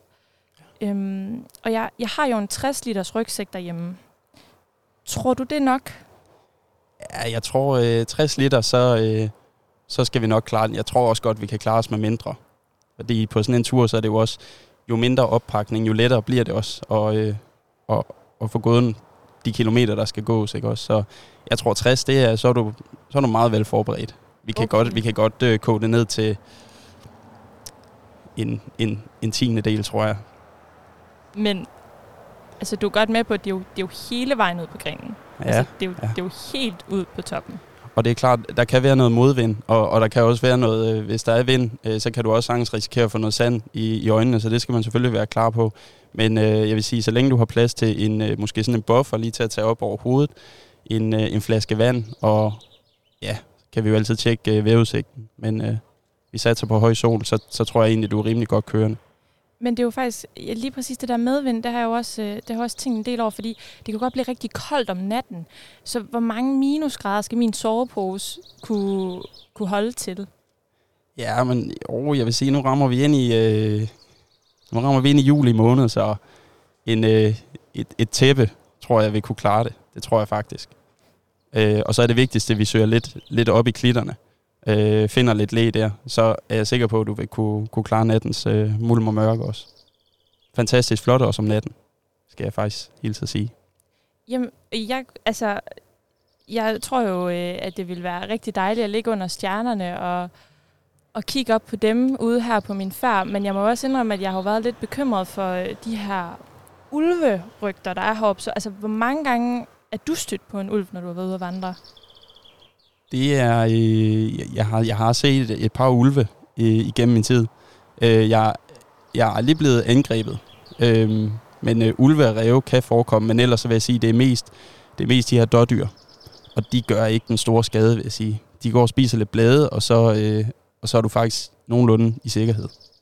Okay, så hvis jeg nu skal forberede mig bedst muligt, er det så, altså er det dolk eller karate, hvad vi er ude i her? Jamen, øh, altså en, en, en rigtig survivor har jo altid en, en kniv på sig, kan man sige. Øh, sådan en Schweizer-kniv, det kan man altid bruge, hvis man skulle sidde fast i noget, fast i noget marehalm eller noget, øh, som du får viklet om benet, så, så kan det være fint. Men de oplevelser, jeg har haft, der har det faktisk ikke været nødvendigt med hverken øh, selvforsvar, eller det skulle være fuld nordmænd i, i så fald, øh, der, der, der kommer og vil, vil tage en øl. Men det, jeg har klaret mig igennem indtil videre. Okay, så du tror ikke, jeg skal være så bange for ulveangreb på vej til grenen? Ikke, øh, nej, det, det vil jeg ikke. Øh, og, og hugorm er faktisk heller ikke noget, vi skal, vi skal overveje. De er ikke så meget på de kanter. De er mere ude på heden. Nå, men det gør mig Så. mere rolig. Det ja. håber jeg, ja. Og så tænker jeg sådan lidt, altså noget man jo skal have stor opmærksomhed på, når man er ude og vandre så langt, det er jo, at øh, man skal have noget godt fodtøj. Og til det der tænker jeg også lidt, hvor mange bøtter talkum har du egentlig med? Jamen, øh, jeg har ikke, øh, jeg har faktisk ikke haft nogen med øh, indtil videre. Øh, det er altid godt at have, vil jeg sige. Og, og en lang dag på arbejde, der kunne man også godt have brug for det. Øhm, så jeg, jeg tror, en bøtte skal nok gøre det. Øhm, og så måske, hvis man har tendens til vabler, så et, et vabelplaster kan også komme ind handy. Men ellers så vil jeg sige et par, et par gode vandrestøvler. Det, det, det kan jeg godt anbefale. Okay, ja. Og altså, øh, der er jo super langt øh, stykke på vej ud til grenen, hvor at der ikke er skygge. Og øh, det tænker jeg jo kunne blive en af mine øh, største udfordringer og problemer her undervejs. Hvor stor skal skyggen på min solhat være? Jamen, øh, jeg tror, det er jo lidt alt efter, hvor, hvor, hvor, øh, hvor lidt sol man, man kan tåle, kan man sige. En, øh, sådan en af de moderne bøtte, bøllehatte, tror jeg egentlig vil, vil kunne gøre tricket. Øh, vi, vi, vi skal ikke ud i sådan en øh, Australian med øh, en diameter på, på en halv meter og, øh, og korkpropper, der dingler ned for at fjerne fluerne. Det, det er vi ikke ude i. Så øh, noget, noget moderat øh, bøllehat, skråstreg, kasket, vil nok være mit, mit bedste bud. Og det, og det er klart, på ruten derude, når vi ligesom først er gået, der er jo ikke nogen, der er heller ikke nogen kiosker, man kommer forbi. Der er ikke, der er ikke supermarked og så videre, så udover det, jeg har nævnt, så måske en, en Snickers i tasken, hvis man skulle gå sukkerkold. Altså, det er jo, det er jo rå natur. Raw nature. Og øh, altså, jeg synes, det lyder meget optimistisk med en, med en enkelt sneakers til, mm. til den her rute. Jeg er en sulten pige, Ja, og jeg havde mere forestillet mig noget med en, med en trankia og, øh, og måske mulighed for at tænde bål. ja.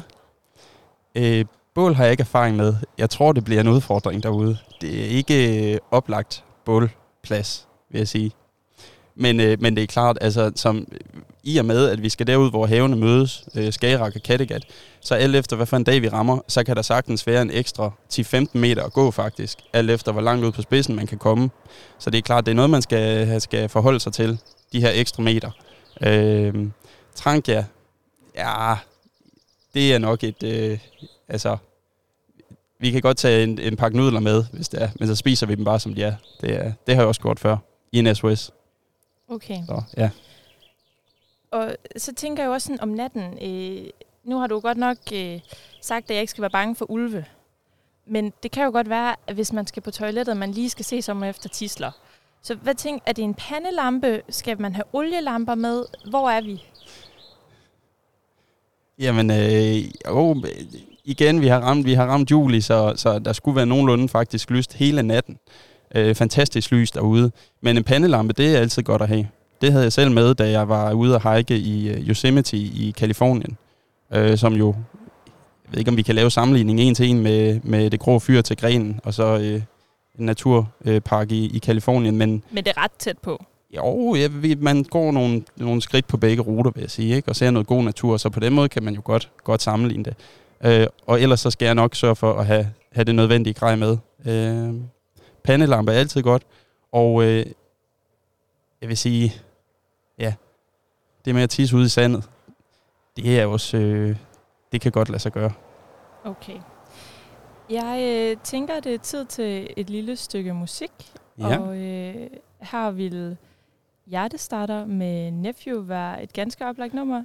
Det har været øh, et nummer, der lidt kom til mig øh, ud af det blå, hvor jeg gik en tur. Øh, det var på en anden rute herop, men, øh, men, men pludselig ud af min øh, Spotify-høretelefon og hører det her hjertestarter. Og jeg synes bare, den var så øh, sigende, fordi man går ud ved Vesterhavet, og man er fuld af liv, og, øh, og det er så skønt, så jeg synes, det var meget passende, ja. Jamen, øh, lad os sætte den på. Det var Hjertestarter med Nephew. Kom nu og blæs mig i gang.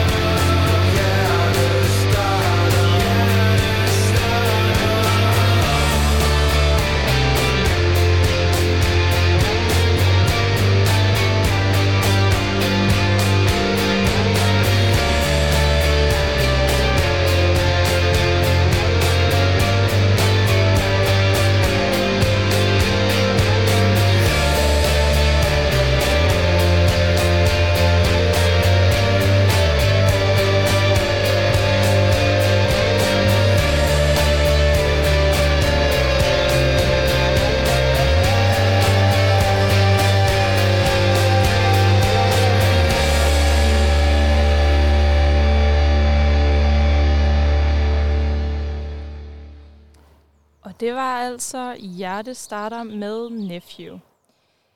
Nu øh, får jeg jo rigtig mange gode tips og tricks her fra Frederik.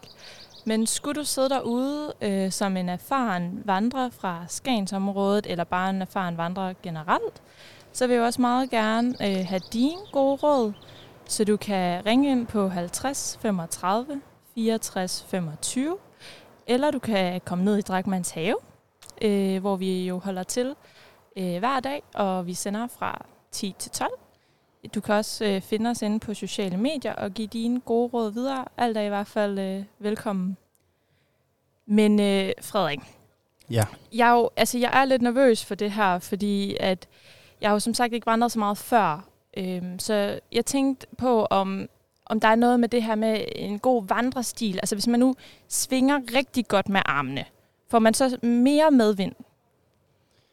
Ja, det kan godt øh, dynamisk gøre noget. Øh, der er jo også nogen, der tyrer til, til vandrepinde. Øhm, men det synes jeg, vi skal udlade på denne her tur. Der synes jeg, vi skal tage den uden. Og øhm, Og det er simpelthen, fordi det er så langt, at man skal gøre det uden... ja, men jeg vil sige, lige på denne her rute, der er det nok ikke øh, nødvendigt. Øhm, nogen kan også vælge at have en enkelt med, men øh, jeg, jeg tror, vi, vi, vi klarer den. Og det, øh, og det er uden. selvom, at vi skal jo igennem sand og Det er klart. Man kan, klitter. det, det, det gør man, men, men der kan man jo med fordel, øh, hvis, hvis det bliver hårdt at gå i sandet, så kan man gå lidt længere ned til vandet. Der er det lidt mere fast grund at, øh, at gå på. Øh, så kan man selvfølgelig risikere lidt våde fødder. Det er også en, noget, man skal tænke ind. Øh, så et par ekstra sokker måske øh, i forbindelse med øh, pakning vil, vil være en fin ekstra ting. Ellers så finder vi et, øh, vi finder et øh, fornuftigt øh, gåniveau, hvor vi begge to kan være med. Og, øh, Er det så sådan noget, er det sådan godt ned i knæ, eller lidt på tæerne? Ja, men øh, en, en, øh, en god blanding, vil jeg sige. Du vil simpelthen bare gå normalt. Ja, mere eller mindre, ja. Det, det er, du finder hurtigt rytmen efter de første øh, 50 meter. okay. okay, godt at vide. Så, så, så kommer det lidt af sig selv. Ja. Så øh, til denne her tur, vandrepinde, en mulighed. Men jeg tænker, at vi er også sådan rimelig begge to, rimelig fedt. Øh, og øh, så vi, vi klarer den. Det lyder godt. Gør vi? Ja. Men det fysiske aspekt og det praktiske, det er jo, det er jo én ting alt det her. Jeg håber jo virkelig på, at jeg oplever nogle ting, og, øh, som, som ligesom kan, kan hjælpe mig, når jeg også er hjemme fra Skagen igen. Man kommer jo hurtigt ind i sådan en øh, trummerum, hvor man skal en masse ting, og man planlægger, og man planlægger. Jeg kunne godt tænke mig at få lidt mere ro på, mm. og, øh, og få lidt mere overskud mentalt. Øhm, hvad, hvordan kan jeg forberede mig mentalt til lige den her rejse? Jamen, øh, jamen, man kan jo kun forberede sig så meget, vil jeg sige. Jeg vil sige, der hvor, vi, hvor du måske kommer til at lære øh, mest om dig selv, det er, hvis du øh, i løbet af den her rute finder dig selv øh, et sted, hvor du tænker, nu er det hårdt, nu, øh, nu, nu kan jeg næsten ikke mere. Ligesom det der med at komme igennem det øh, på vores rute, som vi skal på, så kan du også i din hverdag, i din dagligdag sige, åh, oh, i dag den er ekstra hård. Øh, I dag der har jeg en masse ekstra arbejde, eller jeg har en masse pligter, jeg skal. Øh, men hvis jeg kan klare at gå fra det grå fyr ud til grenen, så kan jeg også klare denne her. Så det er sådan en, øh, en morale booster, vil jeg sige. Øh, og jeg er sikker på, at vi nok skal klare den. Det er jeg helt overbevist om. Øh, og jeg forstår godt, inden man tager på sådan en tur, der kan være lidt, øh, hvordan bliver det, og, og så videre. Men øh, jeg tror, vi skal nok klare den. Og når du ligesom kommer ud på den anden side, så vil du finde, så vil du finde dig selv styrket, både mentalt, men også fysisk. Det, er, det tror jeg. Det ser jeg virkelig frem til, og jeg føler mig også i gode hænder, nu hvor jeg har fået øh, altså både gode råd og tips med på vejen, men også øh, altså det her rigtig fine æg. For lige at slutte af, så øh, spiller jeg her sangen Have You Ever Seen the Rain med Creedence Clearwater. Den kommer her.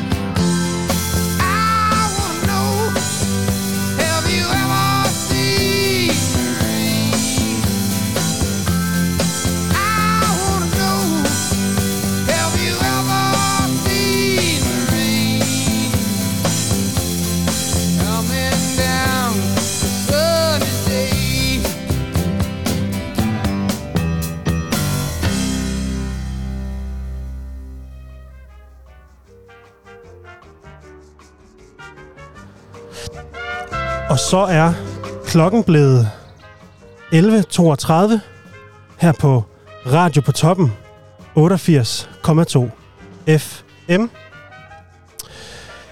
Vi har fået vores sportsredaktion i studiet, vores sportsjournalistiske gravergruppe, Axel Zacharias og Emilie Skovkær, som nu vil tage jer igennem optakt til landskampen imod Tjekkiet i aften.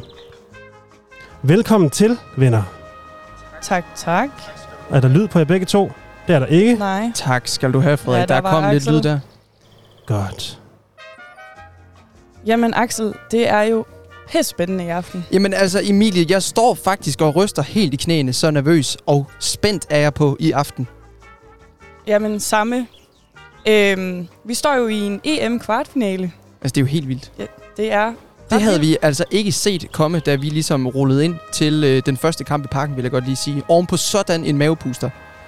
Og så har vi jo øh, startet, eller vi har øh, sat sammen, strikket et dejligt program til en dejlig optakt, så man rigtig kan komme i stemning.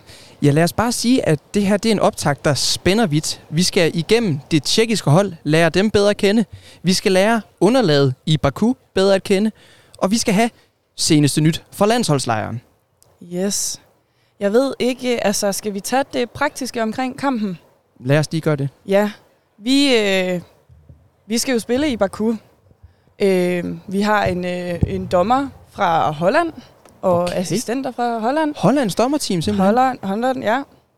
Øh, og vi skal jo, øh, hvis vi lige måske har nogle lyttere, der ikke har fulgt så meget med i fodbold, så er det måske meget rart for dem lige at vide, hvordan vi er havnet her i kvartfinalen. Og det var jo øh, Danmark, der vandt over Wales i Amsterdam 4-0, og øh, Tjekkiet, der vandt over Holland 2-0. Øh, og derfor er vi altså gået videre og skal spille mod hinanden. Øhm, og øh, vi har faktisk øh, scoret 8 mål de sidste to kampe. Hele otte mål. Sidste to kampe. Ja. Vi er det mest scorende hold de sidste to kampe, og det er eddermame noget, vi kan være stolte af i Danmark.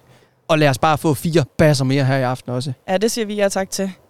Vi har faktisk heller ikke tabt øh, til Tjekkiet siden EM i 2004. Nej, Så der er jo grund til optimisme, kan man sige. det er der virkelig. Det er der. Øhm, vi har spillet ni indbyrdes landskampe, øhm, og seks af dem har dog været uafgjort. Okay. Så jeg tror godt, vi kan forvente kamp til stregen. Øhm, men Altså, vi kan jo også sige, at det danske landshold er jo ikke et landshold, der taber særlig mange kampe.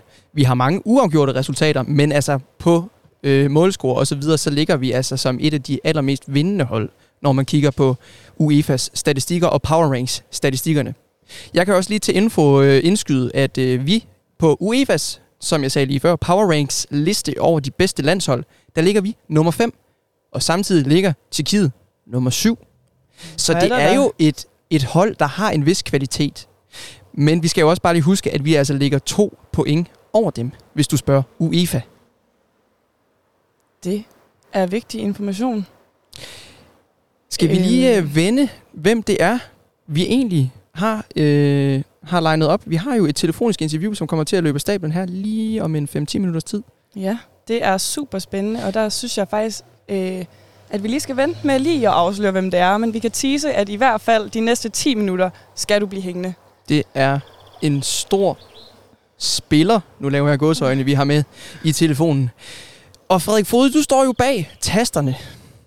Jeg står i bag tasterne. Jeg synes jo på en eller anden måde, for at skyde optakten rigtig godt i gang.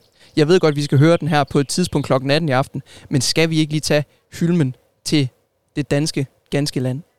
Lige for at komme i stemning. Du vil have den danske nationalmelodi. Du kan tro, det er det, jeg fisker efter. Den kommer her. Og Axel står allerede med hånden på hjertet. Og lige så skal de gøre ude bag radio.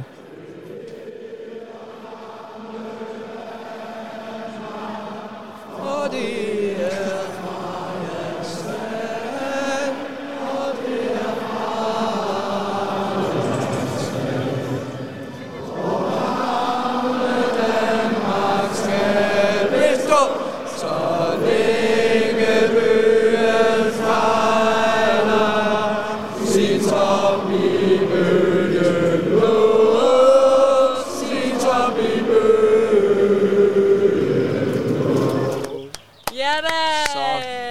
det lød smukt, Axel. Nu er vi simpelthen så klar til at gå i gang. Skal vi lige hurtigt tage noget spillernyt? Tag noget spillernyt. Spillernyt Hvad fra er den danske trup. Der skete jo det for tre dage siden, at øh, Andreas Cornelius han blev skadet til en træning. Det har jeg set, det klip. Det er jo, øh, det var noget af en øh, gyser. Kan du lige fortælle os, hvordan det var, han simpelthen falder til jorden i øh, iført en orange overtrækstøj? Ja, men han var jo simpelthen i gang øh, i en meget øh, farlig duel mod Sanka. Og så ryger han i græssen og øh, rækker foden, anklen rundt og øh, humper ud for træning simpelthen. Ja, og det med, det med Cornelius, og det man skal være særlig opmærksom på med hans venstre ankel, det er jo, at den før har sagt. Den har været brækket. Så Christian Julemand, han står iført regnjakke med en bold under venstre arm og ser fuldstændig slukket ud. Nu kan han godt se alle mine planer for startopstilling mod Tjekkiet. Den skal til at revurderes. Ja. Men heldigvis. Men heldigvis for Instagram. Fordi man kunne faktisk ikke finde særlig meget på Google omkring, om han er klar til i aften. Mm-mm. Men Sanka har jo lige lavet en Instagram story, hvor at Andreas Cornelius står og banker foden simpelthen ned i gulvet og siger, at den virker sgu- sgu stadig. Breaking news, anklen virker, Virker stadig. stadig. Og det er jo også sådan øh, med de danske landsholdstræninger, at presse har egentlig kun adgang til 15 minutters videooptagning. De kan også godt være klar på pletten for ligesom at filme og, og lave sine egne observationer. Men den her træning var lidt unik, fordi op imod kvartfinalen, der fik pressen faktisk adgang til hele 45 minutter.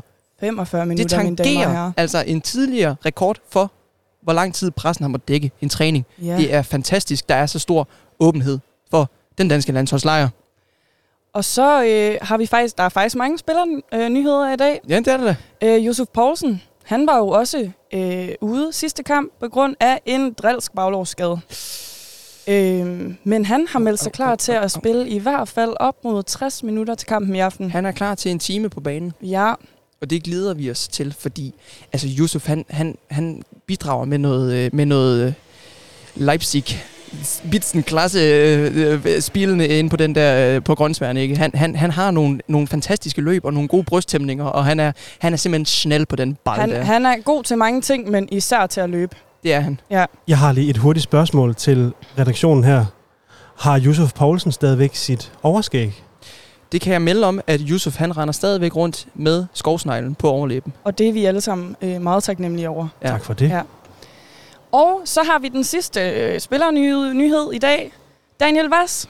Han var heller ikke med i sidste kamp. Han havde lidt øh, feber og ondt i halsen. Han havde noget snu. Øh. Øh, men det er simpelthen gået over, og han melder sig klar til kamp i aften. Det er, det er så også dejligt nyt. Det er det virkelig. Den Det er det. 32-årige Vas, der startede sin karriere i Brøndby IF, og nu spiller for Valencia FC, han er klar til at stå på banen. Jeg har faktisk også lige en, øh, en ekstra Instagram-nyhed. Okay. Den her, den er bragt af 11-årige Bjørn Binsus, der var på job som øh, børnemodel nede på en strand i Nordsjælland, hvor han øh, i pausen simpelthen lige får lyst til en lille soft ice. Han går op imod øh, kassen, og lo and behold, der står Christian Eriksen sammen med familien og er i gang med at bestille is. Ah, men det er jo helt vildt. Bjørn han går op og prikker sit idol på skulderen og siger, hør hov, kan det passe? Er det Christian Eriksen, der står der? Han vender sig om, smilende og siger, ja, det kan du tro. Bjørn spørger, kan jeg ikke få lov til at tage et billede af dig? Og efterfølgende har han smækket det på Instagram.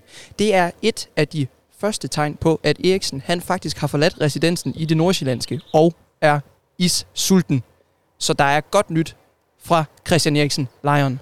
Faktisk enormt mange gode spillernyheder i dag. Øh, det, det, jeg vil faktisk, jeg vil faktisk sige, at, øh, at der også kommer til at være nogle øh, uforud, eller jeg ved ikke om det er uforudset, men der kommer jo til at være nogle ændringer i startopstillingen, mm. når vi nu har så mange øh, spil, nye spillere med, eller Mm, ikke mm. nye, men øh, spillere, der er med igen. Mm. Øh, men den kan vi tage, måske tage senere. Det synes jeg, vi, vi vender lige tilbage til, til taktiske efterspil og så videre. Ja. Øhm, jeg ved ikke, om det er på tide, at vi breaker, hvilken stor spiller det er, vi har med i dag. Jamen, øh, skal vi ikke bare... Bror. Øh, ja, det er en stor spillers bror. Bror, ja. Vi har jo nemlig været så heldige øh, at få fat i Pierre Emil Højbergs bror, Lukas, som øh, Frederik gerne vil prøve at ringe til nu. Skal vi simpelthen prøve at ringe Se, til om vi kan få ham med på linjen. Lukas Højbjerg?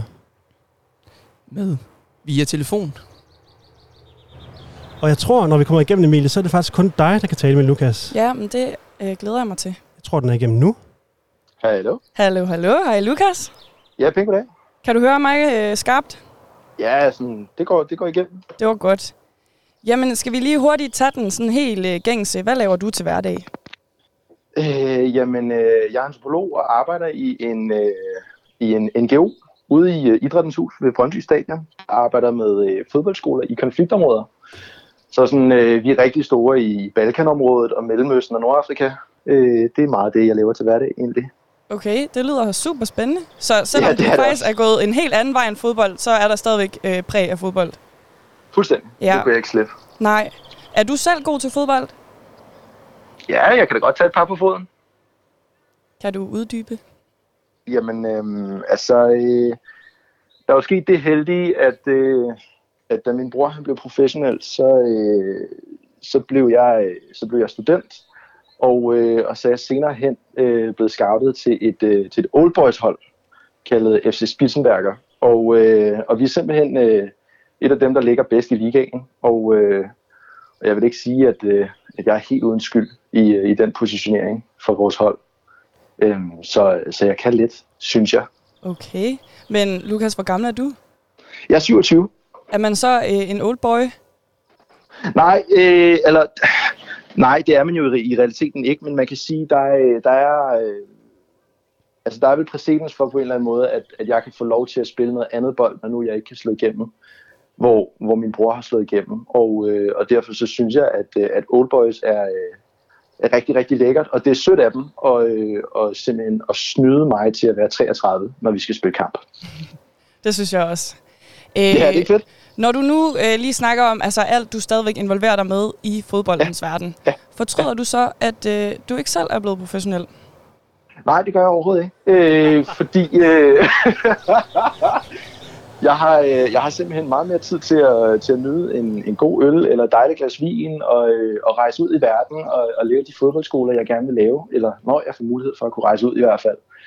Øhm, så, så, øh, så selvfølgelig kunne det have været fedt at være, være, være professionel, men, men der er jo også en masse gode. Jeg synes faktisk, det vægter højere og federe ikke at være professionel og kunne, og kunne have et, et dødeligt menneskeliv, hvis man kan sige det på den måde. Ja, så nu er vi jo sådan lidt inde på, øh, hvilke privilegier det er ikke at være fodboldspiller.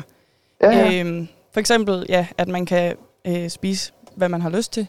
Præcis. Øhm, er der andre, er der, er der nogle fordele eller privilegier ved at have en bror, der så er professionel fodboldspiller? Altså, jeg synes, en af de helt store fordele, det var, at, øh, at jeg ikke skulle kæmpe specielt meget for, øh, for at få min, øh, min kæreste øh, og få barn med hende. Der, øh, der hoppede hun i med begge ben som fangirl. øhm, men, øh, og det er selvfølgelig ikke fangirl af min bror, men det er fangirl af mig. Ikke? Øh, Okay. og der vil jeg nok betegne mig selv som gående, gående under det, man kalder en, øh, en C-kendis. Ja. Altså i, en, i sådan en ABC-klasse. Ikke? Får du øh, fanmail? Hvad siger du, undskyld? Får du fanmail? Øh, øh, altså, definere fanmail. Øh, beskeder fra fans? Trusser?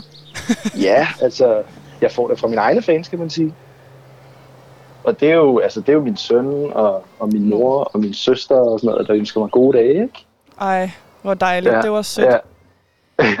øhm, når vi nu også er inde på det, hvad er så det værste ved at have en bror, der spiller fodbold? Det værste ved at have en bror, der spiller fodbold? Åh, det er et svært spørgsmål, men... Du må også gerne sige Altså, flere ting.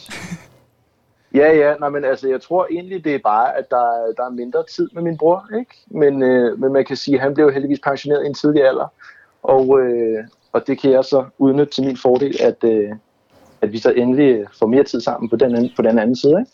Altså, du kommer virkelig med nogle dejlige, søde, diplomatiske svar. Er der slet ikke noget øh, sådan lidt smus ved det? Mm, altså, jeg synes helt klart, at min bror godt kunne blive bedre til at drikke øl. Ja. Der er han, hvor, hvor sådan en som jeg måske har lært at, øh, at drikke øl lidt hurtigt, både i, altså i gymnasiet og senere på, på universitetet, der er, der er Pierre Emil jo helt klart en af dem, der er- han skal bøvse sig igennem en dåse øl, ikke? Og det kan godt tage halvandet minut for ham. Okay. Men så, Så, kan man jo øh, sige, når han er, går på pension, så har du noget at lære ham. Ja, nej, men derfra skal vi begynde at spille, øh, spille ølstafet og, og ølbowling. Og der bliver håber jeg ligesom, at hans konkurrencegen tager over, ikke? Altså ikke, at det går hen og bliver til sådan en eller anden form for, for misbrug, men, øh, men at han bare gerne vil være god til at bunde øl. Og det kan vi altså sige til Pierre Emil Højbjerg, hvis du lytter med her på Radio på Toppen 88,2 FM, så har vi altså en efterlysning fra din storebror Lukas, der gerne vil have, at du bliver bedre til at drikke øl.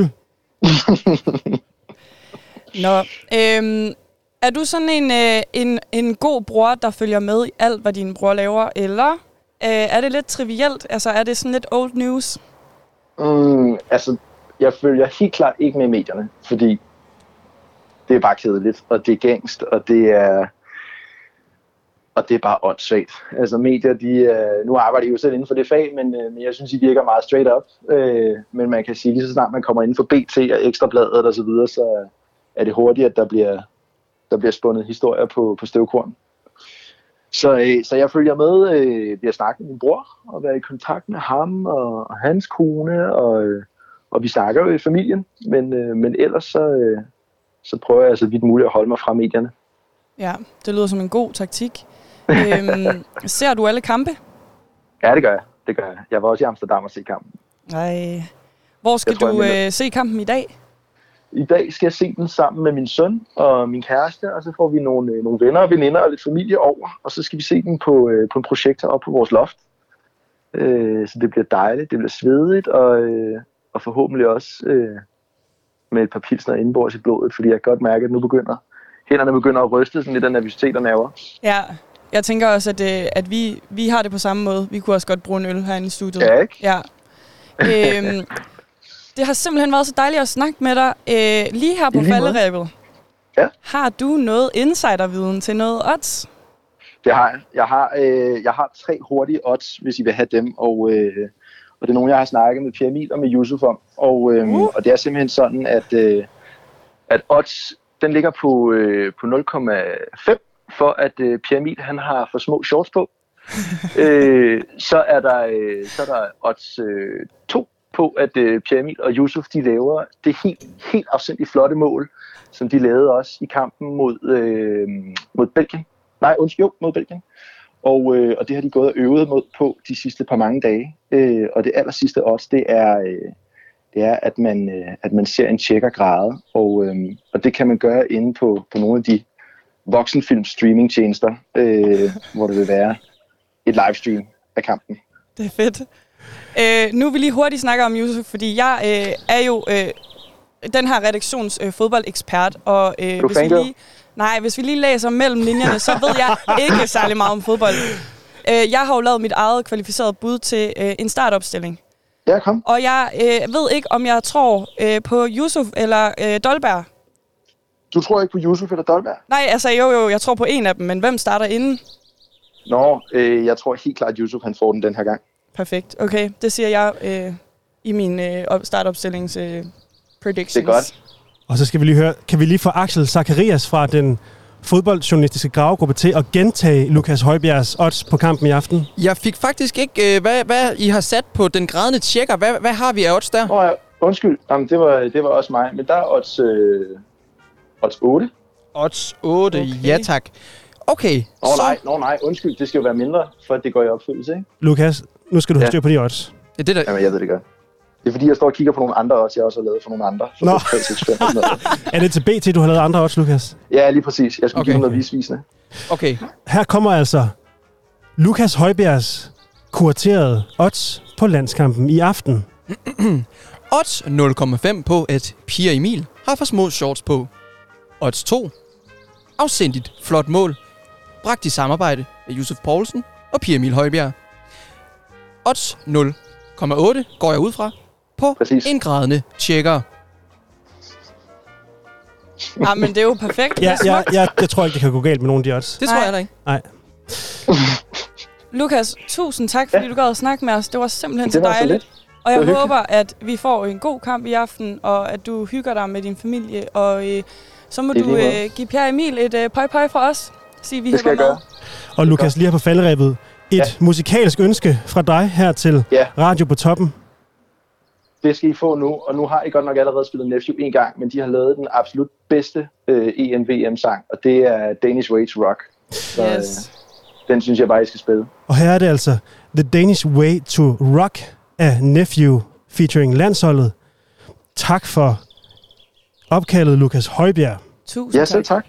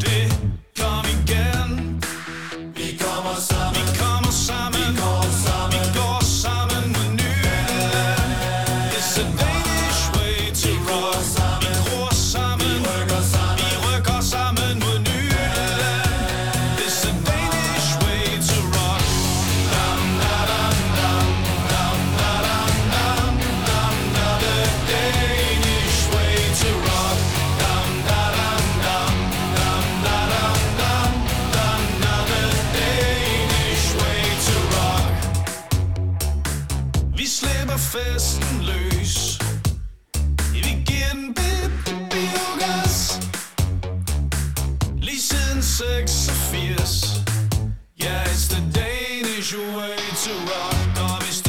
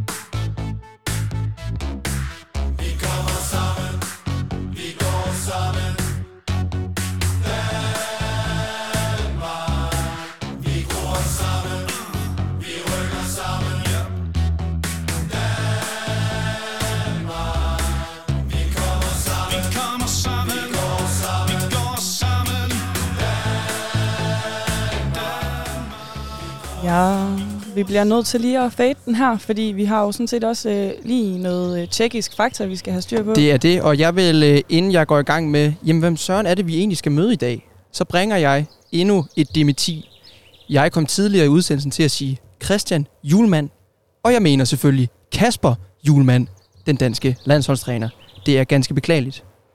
Men Emilie og Frederik, hvad er det for en størrelse, vi skal møde i dag? Jo, skal I se, tjekkisk landsholdshistorie, det er faktisk en meget interessant affære. Fordi holdet, de har deltaget en gang ved VM og seks gange ved EM.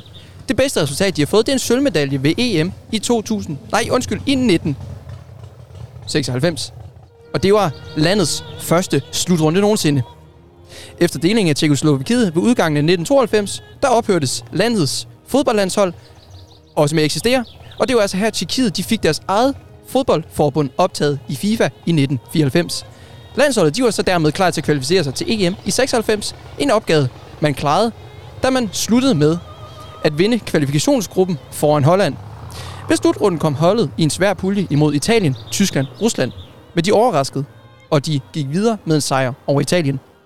I kvartfinalen besejrede de Portugal, overraskede semifinalen igen ved at slå de franske favoritter efter en intenst straffesparks konkurrence. Dermed var holdet klar til deres første slutrunde nogensinde, og derfor klar til finalen, hvor modstanderne for denne omgang var Tyskland. Tjekkerne de kom foran efter, efter en straffesparkscoring af Patrick øh, Berger, men måtte se to scoringer gå ind af Oliver Beihoff, tyskeren. Og herefter så endte den ud i forlænget spilletid via et golden goal, som man brugte dengang. Og Emilie, du sidder sikkert undret over, jamen hvad, hvad søren er det et golden goal overhovedet? Er det jo ikke noget, vi bruger længere? Nej, golden goal, det er simpelthen her, hvor man spiller en kamp i fuld tid indtil det vindende hold, og dem, der får det første mål, vinder. Det er meget brugt i ishockey, kan jeg informere om. Og siden da, så er det faktisk gået ned ad bakke for tjekkisk landsholdsfodbold. De kvalificerede sig ikke til VM i 98. Og i den indledende runde VM i 2000, der stod de trods alt Danmark 2-0, men de kommer altså heller ikke videre fra gruppespillet. Ja. Godt. Var det alt om Tjekkiet? Det var alt om Tjekkiet. Vi kan også lige tage lidt øh, formationsfakta, fordi yeah. Tjekkiet er jo en kontro- øh, ikke, øh, kon- konservativ øh, fodboldforbund, det kan man sige. Det hedder Fodboldva Associativski Republiki. De spiller i en 4-2-3-1 formation. Kan du give os startopstillingen i dag, som du tror, den kommer til at blive, Axel? Der, der sætter du mig lige ud på en spids. Øh, jeg har til gengæld researchet mig frem til nogle nøglepersoner for det tjekkiske hold. Vi har jo træner, Jaroslav Shilvaki. Han kom til i 2018. Nøglespillerne, det er Suchek og Shinski. Og ham vender vi tilbage til lidt senere. Stjerne, skytterne, det er Sima og Sedlik. Og straffeskytte, det er også Shikshi. De har jo den her øh, konservativ formation, en 4-2-3-1. Det er en meget standard formation. Fire bak i kæden, fem midtbanespillere og en central angrebsspiller. Det smarte ved den her formation, det er, at man sagtens kan falde tilbage i det, man kalder en 4-4-2 eller i en 4-3-3. Og man kan sige, at formationen, altså den har en fasong, der egentlig gavner det defensive, stabile spil og den offensive firepower. Den er meget anvendt i PSG. Og Jürgen Klopp, træner i Liverpool, han er også stor tilhænger af den her formation. Så min, øh, min vurdering, det er simpelthen, at vi i Danmark øh, mod Tjekkiet, vi skal have vores angrebsspil og vores angrebslystige midtbaner i spil. Fordi den her formation, den er ret, øh, den er ret så, så bisset for, an, øh, for forsvarsspillerne, fordi der kommer mange nærkampe, altså en-til-en kampe. Men øhm, jeg tænker, at øh, vi siger Okay. tusind tak til Axel Ja. Zacharias for øh, meget øh, dejlig oplysning. Vi har simpelthen et minut før nyhederne starter. Øhm, og jeg ved, at vi går glip af noget rigtig dejlig græsinformation, som du har fundet frem til. Det er vi meget kede af. Jeg kan sige, at blandingen, de kommer til at spille på, er dansk. Er det en, dansk det, er, rullegræs? det, det er dansk græs. Det er en fortøfe blanding, mine damer og herrer. Ah. Der kommer Okay. fra DLT, Seed and Science. Det er jo altid dansk rullegræs i finalerne, synes jeg. Det Skal vi lige slutte på den øh, øh, min øh, danske startopstilling? Ja, Ja, fordi det har jeg altså gjort mig umage du har 45 Ja. sekunder. Forsvar, Simon Kær, Jannik Vestergaard, Jannik Vestergaard, Daniel Vass, Joachim Mæle. Mål, mand, Smeichel. Øhm, midtbanen, Thomas Delaney, Pierre Emile Højberg og Andreas Christensen, som Radio på Toppen jo rigtig godt kan lide, som en sekser. Mm. Og så har vi angrebsspiller øh, Martin Braithwaite, og øh, på opfordring af Lukas øh, Højbjerg, Josef Poulsen og Mikkel Damsgaard. Interessant. Det bliver næsten ikke bedre. Og jeg tror, at det bliver en 4-3-3-formation, men det kunne også godt være en øh, 3-5-2. Danmark vinder med 3-1. I hørte det her først. I hørte det her først. Danmark vinder med 3-1. Tak for i dag. Rigtig god kamp derude. Og det var altså Radio på Toppens sportsredaktion, der var i studiet og tager igennem optakten til kampen kl. 18 imod Tjekkiet. Klokken er blevet 12, og det er blevet tid til en nyhedsudsendelse. Vi har fået nyhedsjournalist og chef for den graverjournalistiske gruppe, Esben Kronbak i studiet. Esben, er du klar til nogle nyheder? Det er jeg i hvert fald. Jeg skruer ned for, der er et yndigt land, og giver dig lidt underlæg. Og så er vi klar til nyheder her på Radio på Toppen. 88,2 FM. Og tusind tak for det, Frederik. Vi starter med at følge op på historien fra i går. Historien, vi har kørt de seneste dage om fælden helt ude på grenen Danmarks bedst beliggende sommerhus efter sine. Vi øh, har i dag snakket med øh, EDC Ole Bo, der er ejendomsmaler på det berømte og berygtede sommerhus. I den forbindelse har vi talt med Max Olsen, der står for salget. Og vi startede med at stille ham det klassiske hammerslag-spørgsmål, og spurgte simpelthen Max Olsen, hvor god han mener beliggenheden er på en skala fra 1 til 5. Det kan kun være en femmer jo. Han kan jo ikke komme øh, på mere havsik, end man, man får derude, tror jeg. Så det, det må være en femmer. Det er altså en klar femmer, ejendomsmælderen beretter om. Og øh, beliggenheden, den er altså god. Det er der ikke nogen tvivl om. Men det er samtidig også beliggenheden, der har skabt de problemer, der har stået på i mange, mange år nu. Huset må ikke kystsikres, men det blev det så alligevel af den tidligere ejer Carsten Kastrup. Det skulle senere rives ned, men de planer blev igen droppet. Efter de mange historier, der har været siden 2009, da Carsten Kastrup købte huset, er hans tid som ejer måske snart over. EDC Ole Bo har i hvert fald sat sig for at sælge huset for ham, og på trods af husets historie, mener Max Olsen fra EDC, at det er muligt at sælge. Altså, vi sætter ikke til salg, hvis det ikke er muligt at, at, at, at være i huset, og genopføre huset, kan man sige, til, til at bringe det tilbage igen. Så vil vi ikke sætte det til salg. Det, der er sket øh, fra øh, alt det, Carsten har, har kæmpet med, kan man sige, det er jo, det har jo, øh, ja, der er sket lidt efterfølgende, efter man har fået kystsikret omkring det, ikke lige foran fælden, men, men på den anden side, og det har faktisk gjort, at der er blevet lagt rigtig meget strøm til igen, og, og at man, øh, jeg vil ikke stille nogen garanti, men jeg vil da tro i hvert fald, at, at, øh, at huset er reddet nu. Og man kan få lov at etablere vejet ud igen også, øh, og fjerne sandet udefra. Så, så, øh, så forhåbentlig står der et pænt hus ud igen inden for, for et år eller to. Og huset blev sat til salg den 30. juni, og øh, EDC Ole Bo har allerede været i kontakt med to personer, der er interesseret i at købe sommerhuset. Fælden er sat til salg til den højeste pris, der nogensinde har været på, nemlig 7,5 millioner kroner. Som ejendomsmæler har det ikke været en nem opgave at prissætte huset. Er nemlig en forudsætning, at man rent faktisk øh, kan øh, renovere fælden, som den er, eller rive det ned og bygge nyt. Øh, ja, igen, det er svært. Det, det er ikke, det er ikke, øh, altså min opgave som maler, der er jo det er jo ingen tvivl om, det er at få den højeste pris på huset. Så, så øh, det, er, det, det skal forsøges af i markedet, som, og det gør vi med, med meget lige paveri. Det, det er helt normalt, man sætter det ud til en pris, og så prøver det af i markedet. Og den, de henvendelser, der er indtil videre, så, så er jeg også rigtig positiv omkring det. Men det kræver selvfølgelig også, at der er de muligheder, som vi forventer, der er med huset, at man kan få lov at, og måske endda rive det ned og, og bygge nyt op igen.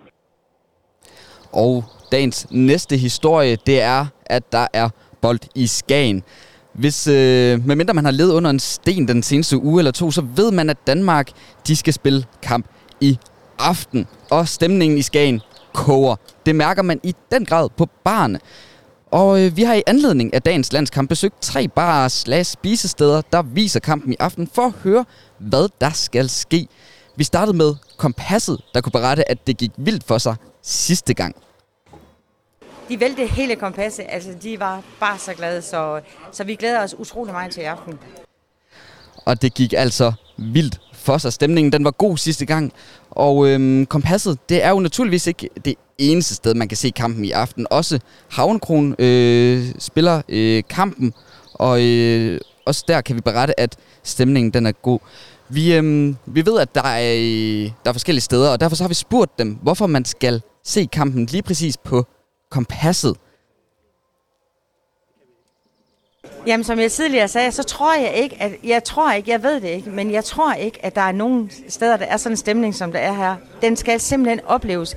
Den kan, den kan man ikke fortælle om, øh, og derfor så synes jeg, at man skal komme på kompasset. Men jeg kan sige dig, at vi har, vi har mange, øh, vi, man kan ikke reservere bord her, men jeg kan love dig for, at vi har rigtig mange, der kommer til kl. 2 i eftermiddag, bare for at være her, sådan så de er her til kampstart. Så, øh, og det er, fordi det har været en total øh, unik oplevelse at være her, så derfor så skal man se den på kompasset. Ja, og jeg skal lige sige, at det var altså Jonna Andersen fra Kompasset, vi talte med i den anledning. Andre steder, der spiller, det er øh, Havnekron. De viser også kampen, og øh, i starten er der en optakt med øh, lidt live musik her i eftermiddag for rigtig at få stemningen i gang. Og der regner Thijs Jørgensen fra Havnekron der også med, at den kommer. Han vil øh, ikke øh, sige, at øh, det lige præcis er på Havnekron, man skal se den, fordi han er godt klar over, at der er mange andre gode steder. Han lægger hellere kollegial vægt på, at det kan være godt at se kampen, uanset hvor man er. Det har jeg heller ikke den fjerneste idé om, fordi hvis jeg ikke ejer det sted her, så så jeg den lige så gerne på Kompas, eller på Jakobs, eller på Greens. Så det, det kan jeg ikke sige, hvorfor man lige skal her, for jeg tror, der bliver fyldt op alle steder. Ja, det er mine gode kolleger, så dem er jeg glad for. Jeg vil lige så gerne se den hos dem, som jeg vil se den her. Så det er stemningen, der fokuseres på? Ja, helt sikkert. Det er kun stemning. Ja, det er nemlig stemningen, der fokuseres på. Og øh, det sidste sted, vi besøgte, det var øh, Jakobs Bar, hvor der også vil være muligt at se kampen. Og jeg har ikke øh, kunne få en lydbid med derfra, men de stiller storskærm op indenfor og tre skærme udendørs. Og Jakob øh, selv, øh, der er, er på stedet, Jakob Sund, han, øh, håber, at han selv kan komme til at se kampen, men han ved selvfølgelig også, at han skal arbejde imens, så det kan være, at det bliver begrænset. Vi øh, håber trods alt, at både Jakob Sund, Jonna Andersen og Thijs Jørgensen, de også får set lidt af kampen, selvom de var der også op i aften og skaber en god stemning i Skagen. Så uanset hvor man får set kampen, om det er hjemme i stuerne eller om det er på barne, så skal det i hvert fald nok blive en rigtig god aften. Og vi siger tak til nyhedschef, chef for den gravejournalistiske gruppe her på Radio på Toppen, 88,2 FM. Vi glæder os til kampen i aften, og som en lille public service bringer vi altså endnu en gang odds kurateret af Pierre Emil Højbjergs storebror med insight-viden til det danske landshold. Der er altså 0,5 på, at Pierre Emil har for små shorts på.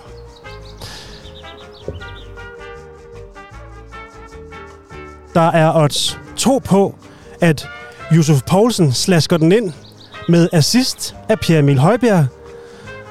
Og til syvende og sidst er der altså odds 0,8 på, at man ser en grædende tjekke i græsset.